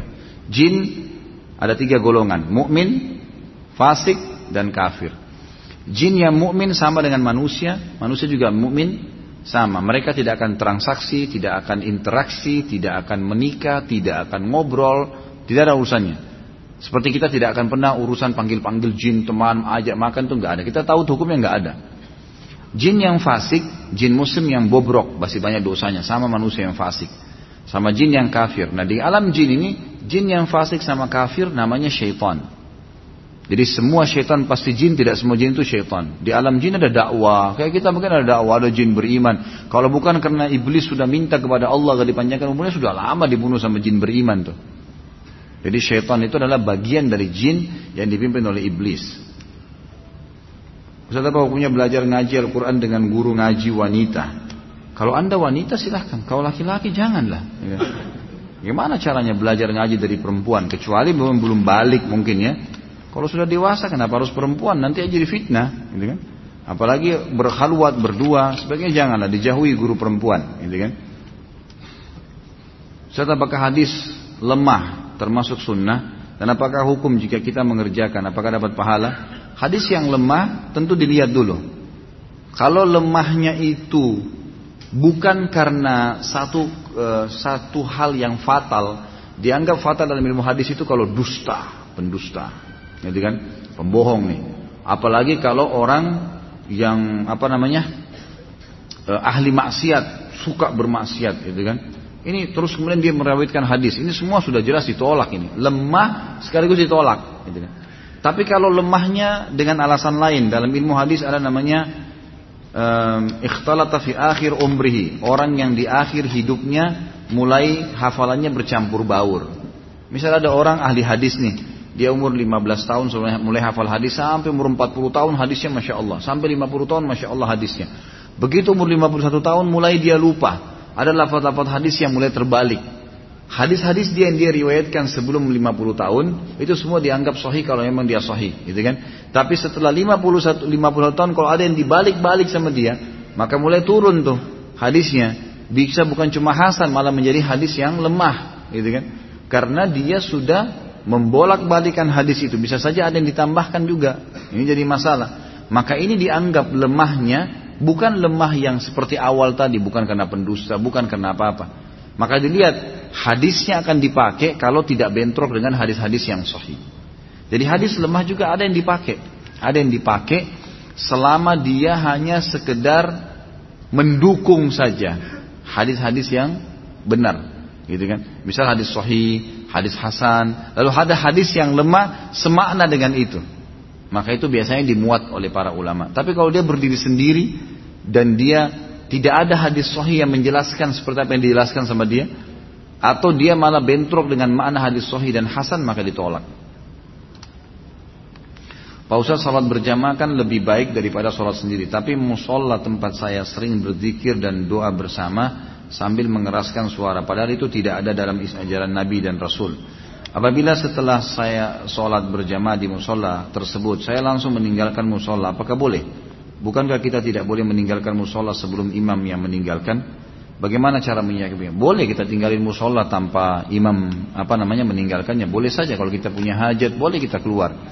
Tetapi yang perlu diperhatikan adalah kalau orang kalau zikir habis sholat dengan suara itu tidak melanggar ya zikir habis sholat dengan ada suara keluar itu tidak melanggar. Yang ditegur kalau rame-rame, gitu kan, secara bersamaan. Karena Nabi SAW dalam hadis Ibnu Abbas disebutkan, Ibnu Abbas berkata, saya tahu sholat selesai di masjid Nabi kalau ada suara, gitu kan? Saya mendengar suara mereka sahabat lagi berzikir. Cuma tradisi Nabi SAW kalau beliau lagi zikir baca ayat kursi misalnya, di sana sahabat baca al-ikhlas, di sana baca subhanallah. Jadi tidak dipaksa dengan satu irama. Nah ini yang susah dengan sunnah Nabi SAW. Jadi kalau orang berzikir dengan angkat suara, antum untuk apa tinggalin? Biarin orang berzikir, antum juga berzikir gitu kan. Selesaikan zikir. Ini hukum. Tapi kalau yang tadi dibahas tidak boleh keluar sebelum imam keluar itu tidak benar. Boleh saja tinggalin tempat sebelum imam. Ini tidak ada masalah. Apa hukumnya memakai sorban baik di kepala maupun di pundak? Apakah itu sesuai dengan sunnah? Kalau di kepala ada sunnahnya. Nabi SAW menggunakan surban di kepalanya. Yang jelas Nabi SAW gemar menutup kepala, gitu kan? Pakai baik, baik kalau pakai kayak kita ke sejenis kopia atau sejenis kain yang dililitkan surban itu boleh saja ya dipakai, nggak ada masalah. Kalau diniatkan karena Nabi SAW memakainya maka insya Allah dapat pahala. Ustaz saya bekerja di satu perusahaan, saya masuk kerja dengan jaminan ijazah. Tapi ijazah yang saya gunakan pada saat sekolah menyontek bahkan membayar uang ke guru untuk mendapatkan jawaban. Apa hukumnya Ustaz? Anda berdosa dengan menyonteknya tapi ijazahnya insya Allah tidak ada masalah. Kecuali kalau memang ijazah itu dasarnya tidak ada, kita nggak pernah ikut sekolah di situ, nggak pernah ikut sekolah lalu kita beli ijazah, nah itu tidak sah. Ijazah tidak sah, uangnya juga tidak halal kita dapatkan setelah itu. Tapi kalau dasarnya kita ujian, tapi ada di antara materi yang sempat kita nyontek, mungkin tidak semuanya, sehingga lulus misalnya. Kita berdosa dengan itu tapi ijazahnya tetap tidak ada masalah. Bagaimana pelaksanaan akikah sesuai dengan sunnah? Yang sudah saya ceritakan tadi ya akikah ini. Bagaimana cara tahnik kepada bayi yang baru lahir? Orang tuanya atau orang yang saleh? Karena beberapa sahabat sering membawa bayi mereka kepada Nabi Shallallahu Alaihi Wasallam, lalu Nabi SAW mentahniknya. Tahnik itu mengambil kurma sedikit aja, sedikit sekali. Jadi jangan satu butir kurma ya, jadi sedikit aja, kemudian kita kunyah sampai halus. Kalau yang saya sering lakukan, saya coba kepada bayi-bayi saya yang baru lahir, maka saya kunyah sampai halus sekali. Kemudian saya ambil sedikit ditempelin di langit-langitnya, karena bayi baru lahir itu masih belum bisa apa-apa mereka. Ditempelin sedikit, tentu tangan kita dibersihkan, dicuci supaya steril. Ini masuk ke mulutnya bayi kesian, maka dibersihkan. Kita pun juga usahakan sudah sikat gigi gitu kan. Jangan mewariskan juga kesian ya virus-virus ke dia. Jadi kita kunyah dengan kondisi mulut kita bersih, baca bismillah makannya, lalu kemudian halus, ditempelin langit-langitnya. Saya pernah praktekin memang kalau bayi baru lahir kayaknya ya, ya agak sulit kalau lebih dari setengah butir kurma itu sudah banyak setengah itu. Itu saja jangan dipaksain. Nanti setelah itu dia minum susu. Nanti kalau sore lagi ada waktu, yang jelas boleh selama beberapa waktu tidak ada batasan hari untuk tahniknya. Boleh berapa hari saja. Ya, bahkan anak-anak saya masih saya sering kasih walaupun mereka sudah mulai umur 2-3 tahun saya suruh kasih kurma gitu. Riba, ter, uh, riba termasuk syirik besar di zaman ini sulit untuk terlepas dari riba. Nggak pernah ada perkataan riba itu syirik. Dari mana? Riba lain, riba dosa lain. Jangan salah faham nih. Ini dua jam lebih saya teriak-teriak sini kalau nggak ngerti nih. Sayang benar. Jadi riba itu bukan syirik ya, riba itu dosa sendiri. Riba itu berhubungan dengan masalah transaksi. Nanti ada dosanya kita bahas. Lain nih, transaksi uang, barang nanti akan kita sebutkan. Beli mobil dengan riba, eh, ingin beli rumah dengan kredit dan seterusnya. Nanti, nanti kita bahas ya di masalah riba. Insya Allah saya bahas nanti. Wah, terpaksa tiba yang panjang. Sebentar, masih ada. Jangan tambah lagi ya. Dalam hal kulit hewan kurban. Masjid kami selama ini memberikan kulit tersebut pada ketua remaja masjid. Dan kemudian oleh mereka dijual. Apakah hal ini menyalahi larangan Nabi SAW dalam hal menjual kulit hewan kurban? Tentu saja eh, yang ada teguran kalau kulit itu dijadikan sebagai khusus bahan bayaran. Ini yang saya tahu. Tapi kalau diberikan kepada orang tidak ada masalah. Kalau sudah jadi milik dia kemudian dia mau jual itu urusan dia. Gitu kan tapi yang di sini tidak boleh lebih umumnya kayak gitu. Makanya saya sarankan kalau teman-teman nanti jadi panitia masjid, kemudian e, ada orang yang datang menyembeli, gitu kan? Ya dia dikasih upah, dikasih upah. Masalah kulit mau dikasih itu kulit nanti, gitu kan? Nanti apa apa kalau mau di, mau, di, mau dikasih lagi istilahnya. Atau kalau dasarnya memang dia mau beli kulit itu, yang uangnya nanti dikembalikan untuk kebutuhan beli kresek lah, apalah kebutuhan untuk kebutuhan untuk hewan kurban itu juga sendiri dan tetap mereka mendapatkan upah yang lain seperti penyembelih itu dan yang bekerja boleh dapat daging kurban, gak ada masalah. Termasuk juga boleh orang kaya dapat daging kurban ya, jadi bukan cuma orang miskin. Kita menyembelih misalnya sapi atau kambing dekat rumah, boleh nggak saya minta satu kilo? Boleh, malah sunnah itu. Karena Nabi SAW mengatakan setiap habis menyembelih idribuli sahman berikan saya sebagian dagingnya. Maka Nabi SAW ambil lalu Nabi SAW nikmatin daging itu. Berarti kita sunnah boleh mengambil sebagian. Baik, kalau saya nyembeli sapi ada 30 kilo, 50 kilo, 100 kilo misalnya dagingnya. Lalu saya ambil 10 kilo ke rumah, boleh nggak? Boleh, nggak masalah. Lalu kemudian ada adik saya datang, adik saya orang kaya raya, saya kasih kresek sama dia, boleh nggak? Boleh. Daging kurban boleh dinikmatin oleh orang miskin, orang kaya boleh. Tapi kalau kita mau bagi-bagi umumnya dibagi kepada orang-orang yang tidak mampu.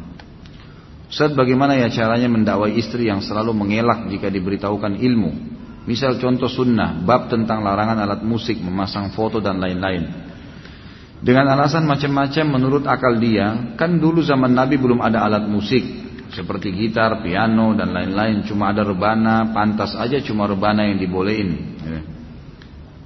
Eh, kenapa dilarang musik kalau tujuannya baik? Misalnya ada musik bernuansa islami untuk penyampaian dakwah bisa lebih mengena dengan musik. Kalau, rebana buat ngiringin tari striptis berarti rebana haram. Kenapa juga dilarang menggambar foto? Mungkin tergantung tujuannya aja. Kalau buat disembah ya nggak boleh. Tapi kan cuma buat dipajang biar rumah termasuk bagus punya seni Intinya kan Al-Quran tidak ada ayat yang menjelaskan musik dilarang, menggambar foto haram, asuransi haram dan lain-lain. Hal yang baru dulunya nggak ada, jangan disamakan dengan sekarang. Lalu saya jelaskan dalam Al-Quran tidak ada ayat yang melarang musik secara tegas, tapi ada isyarat di dalam surah Al-Quran surah Al-Luqman ayat 6. Dan di antara manusia ada yang, ada yang mempergunakan perkataan yang tidak berguna untuk menyesatkan manusia dari jalan Allah tanpa pengetahuan dan menjadikan jalan Allah itu olok-olokan. Mereka itu akan mendapatkan azab yang menghinakan. Banyak ahli tafsir termasuk penafsiran sahabat Ibnu Mas'ud perkataan yang tidak berguna adalah nyanyian dan alat musik. Dia masih mengelak dengan berasumsi itu kan penafsiran ahli tafsir. Orang juga yang namanya menafsirkan berarti tidak pasti masih mengira-ngira. Baiklah, lalu jika saya jelaskan hadis yang lengkap dengan bukunya rumah-rumah tidak dimasuki malaikat, Rasulullah SAW bersabda sungguh benar-benar akan ada di kalangan umatku sekelompok yang akan menghalalkan zina, sutra, khamar dan alat musik. Hadis riwayat Bukhari nomor 5590. Istri tidak percaya hadis karena dengan alasan jarak waktu Rasulullah dengan kita kan jauh. Jadi kalau hadisnya kan perawinya orang juga bisa saja salah menyampaikan karena turun temurun dari mulut ke mulut. Saya harus bagaimana Ustaz mendakwa istri saya dan saya doakan semoga istri tercinta mendapat hidayah. Tentu istri Anda ini kalau yang saya tangkap ya membutuhkan orang ketiga. Mohon maaf saya mengatakan tipologi istri begini berarti dia tidak dia belum dia tidak merasa suami ini orang yang bisa saya ambil darinya fatwa atau sebuah hukum gitu kan ada memang tipologi seperti itu. Maka caranya, caranya adalah harus gunakan orang ketiga. Orang ketiga ini siapa kira-kira yang dia dengar atau apa hobi dia? Kalau hobi dia membaca diberikan buku. Kalau hobi dia e, mendengar mungkin didengarkan audio atau ceramah gitu kan. Ya, jadi seperti itu menggunakan orang ketiga yang bisa sambil didoakan. Dan kita juga insya Allah doakan mudah dapat hidayah. Yang penting begini, jangan pernah jenuh dalam menyampaikan dakwah. Insya Allah tidak ada Nabi Nuh berdakwah 950 tahun pada istrinya. Tapi kadar Allah waktu itu istri memang dalam keadaan tidak mau beriman gitu kan. Memang itu ikhtiar ya. Dia tidak mau ya sudah. Allah SWT akhirnya takdirkan dia seperti itu. Itu saran saya pertama gunakan orang ketiga. Yang kedua, cobalah eh, jangan tumpukan eh, apa namanya? Saya melihat ini karena pihak si suami lebih dominan sudah paham sunnah, si istri belum. Karena terbukti perkataan-perkataan seperti mengatakan itu kan cuma perkataan ahli tafsir. Dia tidak tahu siapa itu Ibnu Abbas. Ibnu Abbas ini memang dia mengambil langsung dari Nabi SAW, gitu kan? Ibnu Mas'ud memang dia langsung sahabat Nabi yang belajar dari Nabi SAW hadis dan dia bersumpah atas nama Allah surah Luqman ayat 6 itu adalah musik bersumpah. Ya, jadi memang begitu dan coba gunakan kata-kata atau penyampaian kepada istri seperti ini sesuatu yang tegas. Jadi ini loh dalilnya jelas haram gitu. Dan kamu harus bisa menerima karena begini. Ada tipologi istri memang yang harus dengan cara seperti ini. Ini haram jelas. Kamu mau berargumen apa pun tetap tidak bisa. Kalau masalah kasus kamu bilang jarak kita dengan Rasulullah SAW jauh. Berarti kamu seakan-akan mengatakan mustahil agama bisa diterima sekarang. Kalau begitu berarti semuanya akan diprotes. Semua akan ditinggalkan.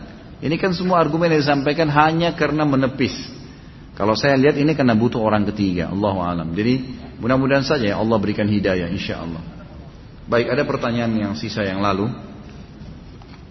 Bagaimana hukum jika panitia kurban melelang kulit dan kepala kurban dan hasilnya dimasukkan kas masjid? Saya tadi sudah jawab ya. Insya Allah ini mudah-mudahan masih bisa ya. Apakah benar di, alam barza para penghuni kubur saling mengunjungi, saling bertemu ruh mereka yang sudah mati? Mohon penjelasan. Setahu saya tidak. Setahu saya tidak. Masing-masing sibuk dengan kuburannya sendiri. Ya masing-masing sibuk dengan kuburannya sendiri. Oh iya, sebelum saya lupa ini apa? Saya mengucapkan jazakumullah khair kepada ikhwah yang sudah ikhwah dan akhwat yang sudah partisipasi di sumbangan komputer ya. Ini alhamdulillah laptopnya sudah ada. Kemarin kami butuh dua dan masya Allah sudah ada yang menyetor langsung fisik laptopnya. Semoga insya Allah anda termasuk dapat panen pahalanya setiap kali di-upload dan diedit ceramah-ceramah kita ini. Dan Alhamdulillah Anda bisa lihat sendiri di Youtube pengunjungnya pasti rata-rata ribuan Bahkan sudah ada yang hampir ratusan ribu pengunjung yang mengikutinya Dan juga ada satu seorang, ini seorang ikhwah kalau nggak salah kemarin langsung ke Pak Diarto Kemudian ada juga yang langsung ke saya, seorang ibu yang langsung menyetor uangnya cash untuk membeli laptop dengan spek yang memang sudah kita tentukan.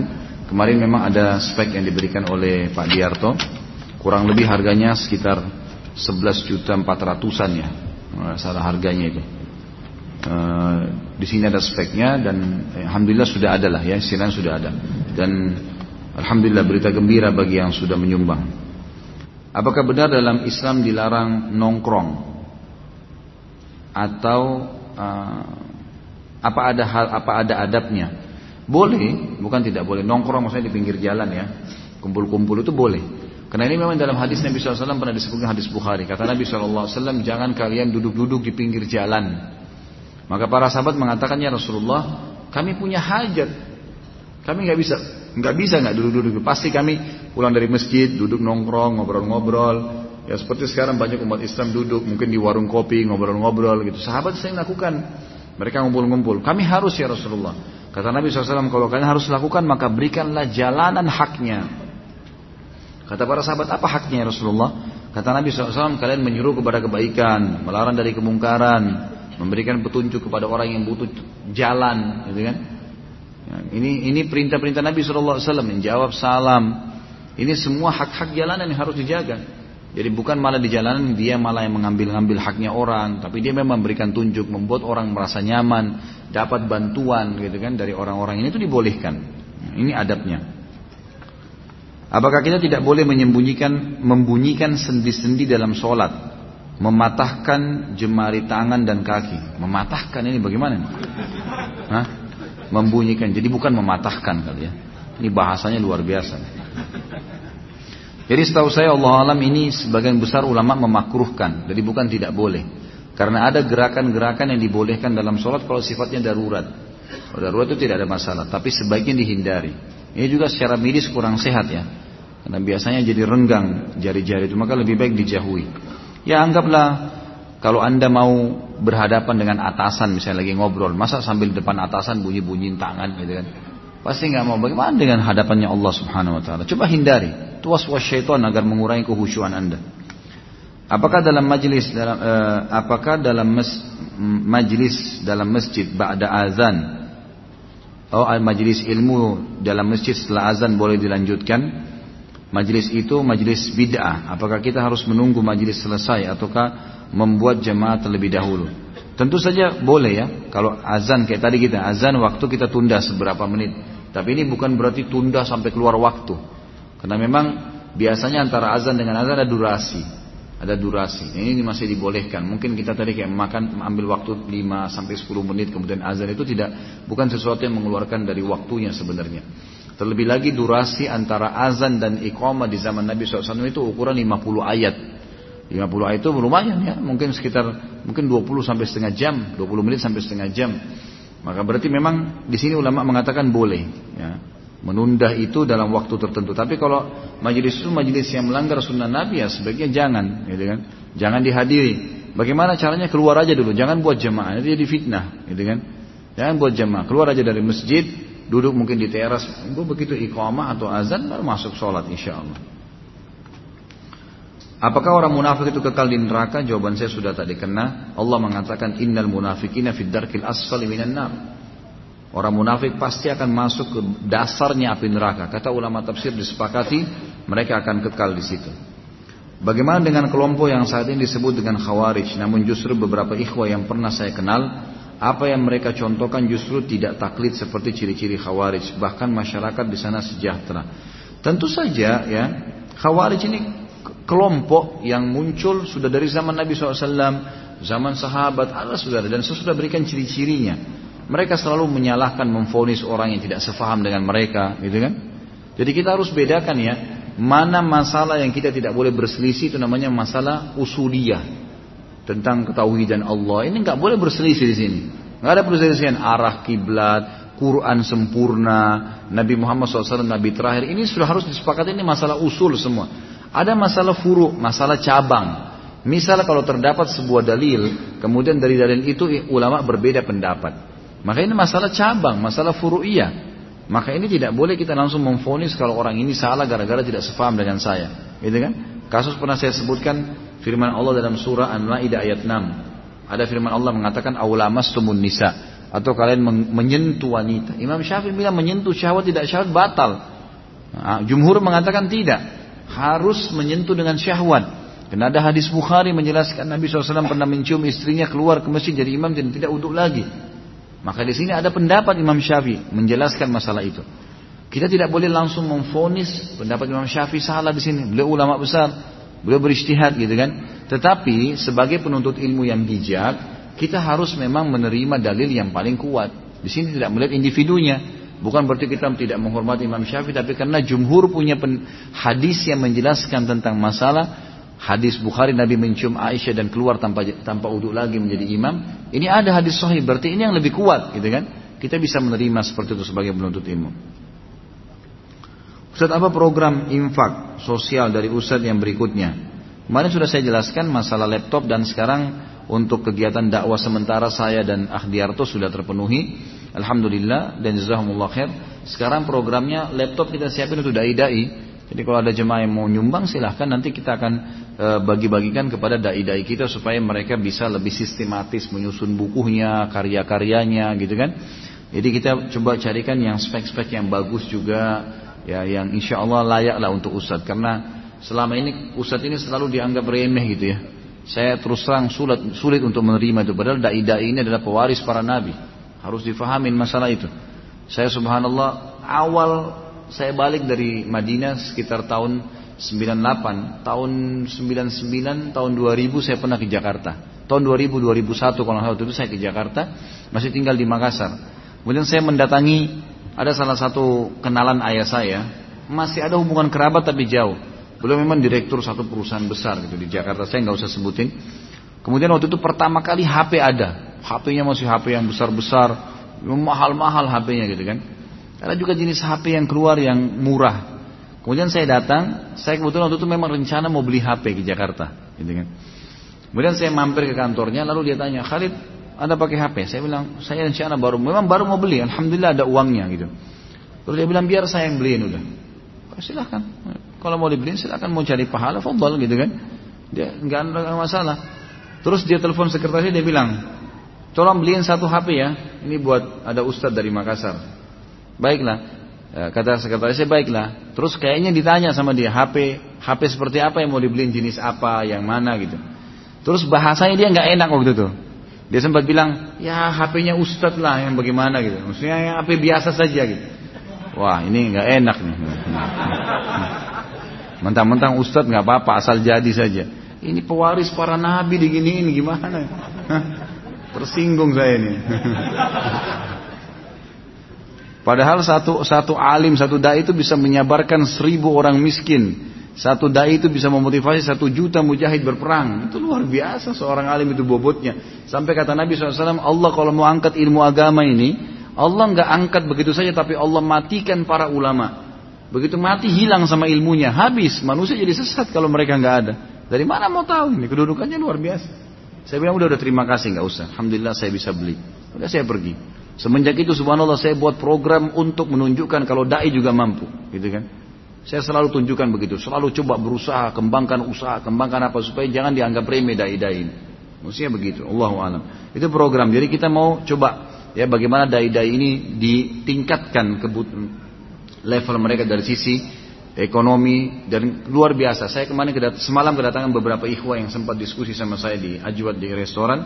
Lalu saya berikan saran-saran. Saya bilang program saya sekarang, saya mau bagaimana dai-dai ini betul-betul ada Islamic Center mereka. Semua dai-dai yang kompeten, yang luar biasa kapabilitas ilmunya mereka bagus, mereka memang dai-dai yang kompeten lah di bidangnya memang ahlinya di ilmu hadis, di ilmu dakwah, di ilmu akidah, kita keroyokin buatin Islamic Islamic Center, mereka nanti di situ tinggal, mereka buat kelas pelatihan-pelatihan dai, kaderisasi, kemudian punya pesantren di situ. Nanti orang-orang mereka pun buat jadwal, hari Senin ada sirah, hari Selasa ada akidah, hari ini buat seperti kelas, orang datang sekolah gratis gitu. Daripada sekarang ini masih berserakan ke sana sini jadwalnya. Kita adakan itu dan itu lebih fokus. Kemudian kebutuhan mereka kita penuhin. Kita harus punya satu sumber basis dana yang kita penuhin. Karena kayak di Saudi itu, semua ulama itu sudah luar biasa. Mereka cuma tahu dari rumah ke masjid. Dari rumah ngajar di kampus. Mereka ngetik karya-karya bukunya banyak tertulis. Karena mereka kebutuhannya sudah terpenuhi semua.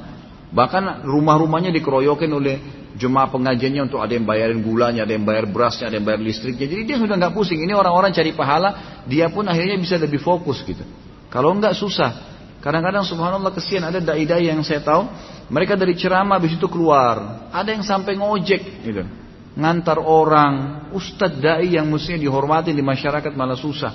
Ada yang kesian sampai jual-jualan apa, jus, jual sesuatu yang menurut saya nggak perlu. Eh, kapa ilmunya lebih baik, lebih mahal daripada itu ya. Nah ini hal-hal mendasar ini yang saya inginkan. Jadi Mungkin kita buat program-program untuk dai, makanya ada pengadaan motor. Ke depannya insya Allah saya akan adakan pengadaan mobil buat dai-dai.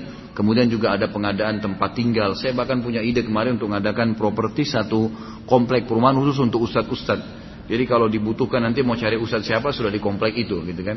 Bahkan ustadznya bisa jadwalnya ganti-gantian di masjid itu ngajar. Orang sudah bisa datang. Maka bisa lebih terkumpul lah di satu tempat ya. Bukan seperti. Kalau yang terdekat juga ada kurban ya. Kurban ini eh, apa namanya dengan kambing ada, dengan sapi ada. Kambing itu dengan 2 juta rupiah dan sapi itu dengan 10 juta rupiah. Ini yang terakhir. Apa itu kantor? Kantor itu sebuah jembatan, eh sebuah tempat yang ada di depan halaman surga. Itu namanya kantor. Dalam hadis sahih disebutkan, kalau semua orang yang sudah melewatin sirat, sudah ditimbang amalnya, amal baiknya sudah lolos, mereka lewatin sirat yang dibentangkan di atas di atas neraka, ada yang lewat seperti cahaya bulan purnama dan cepatnya seperti kilat sudah sampai ke ujung. Itu ujungnya sirat, ya, lewatin neraka itu namanya kantara. Di depan kantara itu ada surga. Itu seperti lapangan luas, mereka kumpul di situ nunggu dulu. Nunggu orang-orang semua yang akan lolos gitu kan. Itu namanya kantara. Ada yang lewat seperti kecepatan kuda, ada yang lewat seperti berlari, ada yang lewat seperti berjalan, ada yang lewat merangkak dan ada yang jatuh ke neraka terlebih dahulu. Wa na'udzubillah. Ya, ini kantara sebuah tempat yang mereka akan berkumpul nanti sebelum masuk ke dalam surga. Inilah yang sesuai dengan sabda Nabi SAW. Kalian akan berkumpul ya di satu tempat kantorah itu dan aku akan datang mengetuk pintu surga. Lalu penjaga surga bertanya, siapa engkau? Aku berkata, aku Muhammad. Maka kata penjaga surga, aku tidak diperintahkan membuka pertama kali kecuali untukmu.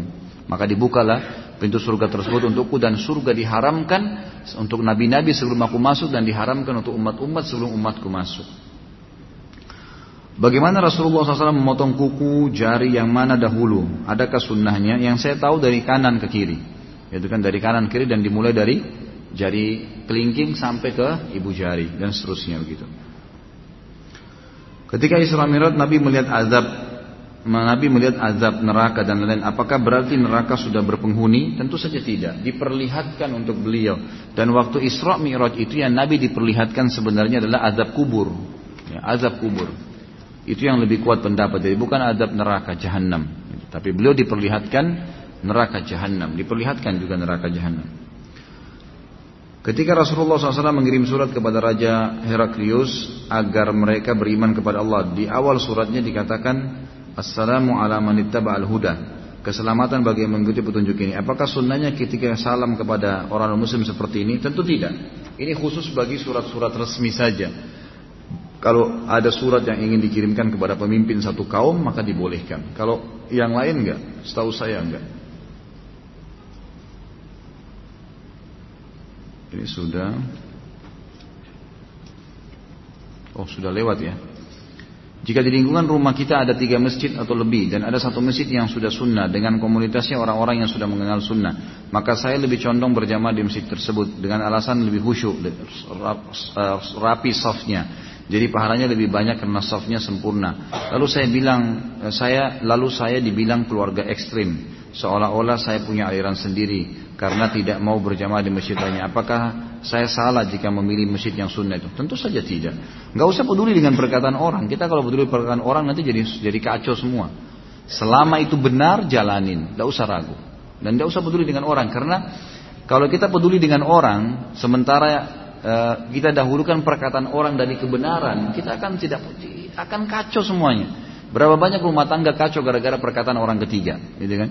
Harus punya prinsip. Saya pernah ajarkan. Kalau kita diajak sama teman-teman makan di satu restoran, ada makan nasi goreng, kemudian kita begitu buka menu ada mie goreng dan hati kita pengen mie goreng, makan mie goreng. Walaupun teman-teman suruh nasi goreng, enggak, saya mau mie goreng aja.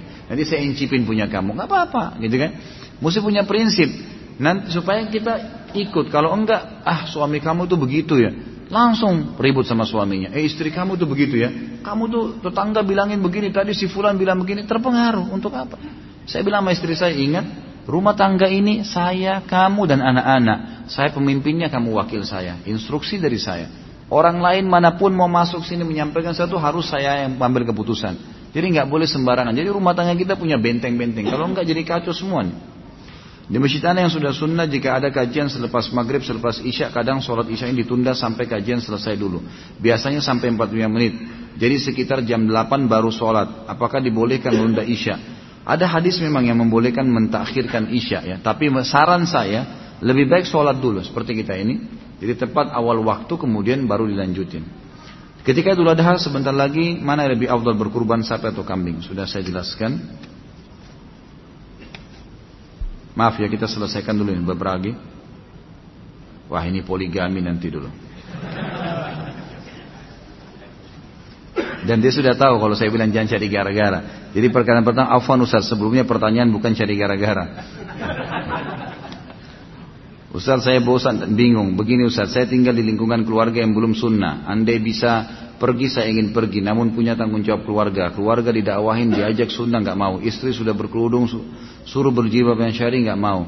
Suruh baca Al-Quran, anggot-anggotan. Dibangunin sholat malam, males. Mertua diajak sholat berjamaah, susah penghasilan saya masih belum halal, mau keluar diberatin, suruh jangan keluar, mau makan apa ntar, mau minggat kasihan sama anak, mohon penjelasannya. Jadi lakukan hal-hal yang paling sederhana, yang paling mudah. Paling paling mudah. Misal apa saja, tidak usah buru-buru, jangan semuanya langsung ditumpukin. Jadi misalnya fokus, mau istri pakai jilbab syari, itu dulu. Dulu difokus, jangan dulu ke mertua. Itu sudah menjabar ke mana-mana. Orang terdekat dulu. Mulai dengan pasangan, nasihatin baik-baik gitu kan. Kalau sama istri ini harus ahli rayu. Gitu. Rayu dia supaya dia mau gitu kan. Jangan kamu pakai jilbab kalau enggak masuk neraka. Susah gitu kan. Rayu dia, insya Allah dengan masa mesti saya ajarin cara merayu. Hah? Tapi jangan saya deh, saya nggak bisa kalau ada Pak Yoyo nih. Lain, levelnya saya belum sampai ke situ. Tuh. Tapi harus bisa dirayu, bagaimana cara yang dirangkul. Perempuan nggak pakai perasaan, dirayu, insya Allah bisa. Kamu kalau pakai jilbab, waduh saya sampai tidak bisa kedipin mata. Insya Allah pakai jilbab langsung tuh. Tuh di belakang sudah ada suaranya ketawa. Belum lihat saya itu. Baik. Jadi seperti itulah. Dirayu insya Allah bisa kan gitu. Ini sudah semua. Terakhir yang satu. Waduh ini terpaksa poligami ya. Afwan sebelumnya pertanyaan bukan cari gara-gara lagi Ustaz. Kembali menyinggung masalah poligami. Saya coba diskusi dengan beberapa akhwat. Kebanyakan dari mereka lebih memandang poligami itu tidak setuju hanya dengan perasaan mereka. Walaupun mereka mengakui dalam Islam itu dibolehkan dan tidak berani mengatakan itu tidak boleh karena itu terdapat dalam Al-Quran. Tapi mereka bilang bahwa syarat utama poligami harus adil. Maka jika sang istri tidak ridho, tidak merestui suami poligami, maka tidak boleh suaminya nekat poligami walaupun semua syarat sudah terpenuhi. Jadi seolah-olah boleh tidaknya poligami ada di tangan para istri. Jika tidak ada restu istri maka tidak sah dan tidak diperbolehkan karena istri melakukan tidak adil. Apakah benar demikian Ustaz? Tentu saja tidak. Tentu saja tidak. Sama sekali bukan poligami di tangan istri, bukan juga di tangan suami. Tapi ini perintah Allah subhanahu wa ta'ala. Tapi begini, apa sih yang membuat manusia menolak sebuah hukum? Apa yang membuat seorang manusia menolak melakukan satu perbuatan perintah agama? Jawabannya satu, kejahilan. Karena kejahilan. Kejahilan akan mendatangkan ketidakamanan. Ini tuh. Kita akan tidak mau datang ke satu tempat karena kita masih jahil dengan tempat itu. Sehingga muncul ketidakamanan. Ah nanti di sana aman gak ya? Kan gitu. Jadi jawab dengan ilmu. Kalau seorang muslim, saya sudah bilang mau poligami, itu program, harus programin. Kita punya satu perusahaan mau buka cabang perusahaan lain, harus punya planning program, bukanya nanti kapan, apa langkah-langkahnya, itu dilakukan dari sekarang. Target saya poligami 3 tahun, 2 tahun lagi. Maka apa yang saya harus lakukan? 1, 2, 3, 4, 5. Gulirkan tuh. Gitu kan? Dengan bertahap, dengan cara-cara syari'i, dengan berdoa. Insya Allah bisa. Dengan izin Allah subhanahu wa ta'ala. Tentu yang membuat tadi perempuan kenapa menolak.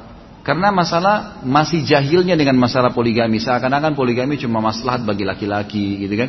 Coba antum kumpulin artikel-artikel, semua manfaat-manfaatnya, dibaca antum sendiri kayakan dulu informasi, baru kemudian jelaskan. Baru kemudian ajak, baru kemudian lihatkan fakta-faktanya, bagaimana mereka bisa menerima. Gitu. Seperti itulah, berikan penjelasan. Dan itu dijadikan sebagai pembicaraan yang biasa sekali. Yang biasa sekali pada saat menyampaikan. Dan itu digulirkan, selain daripada itu ikhlaskan niat. Insya Allah akan bisa, gitu kan? Insya Allah akan bisa. Saya sampai hari ini, ya, kalau saya lagi bicara dengan istri saya, Alhamdulillah, malah saya yang ditanya.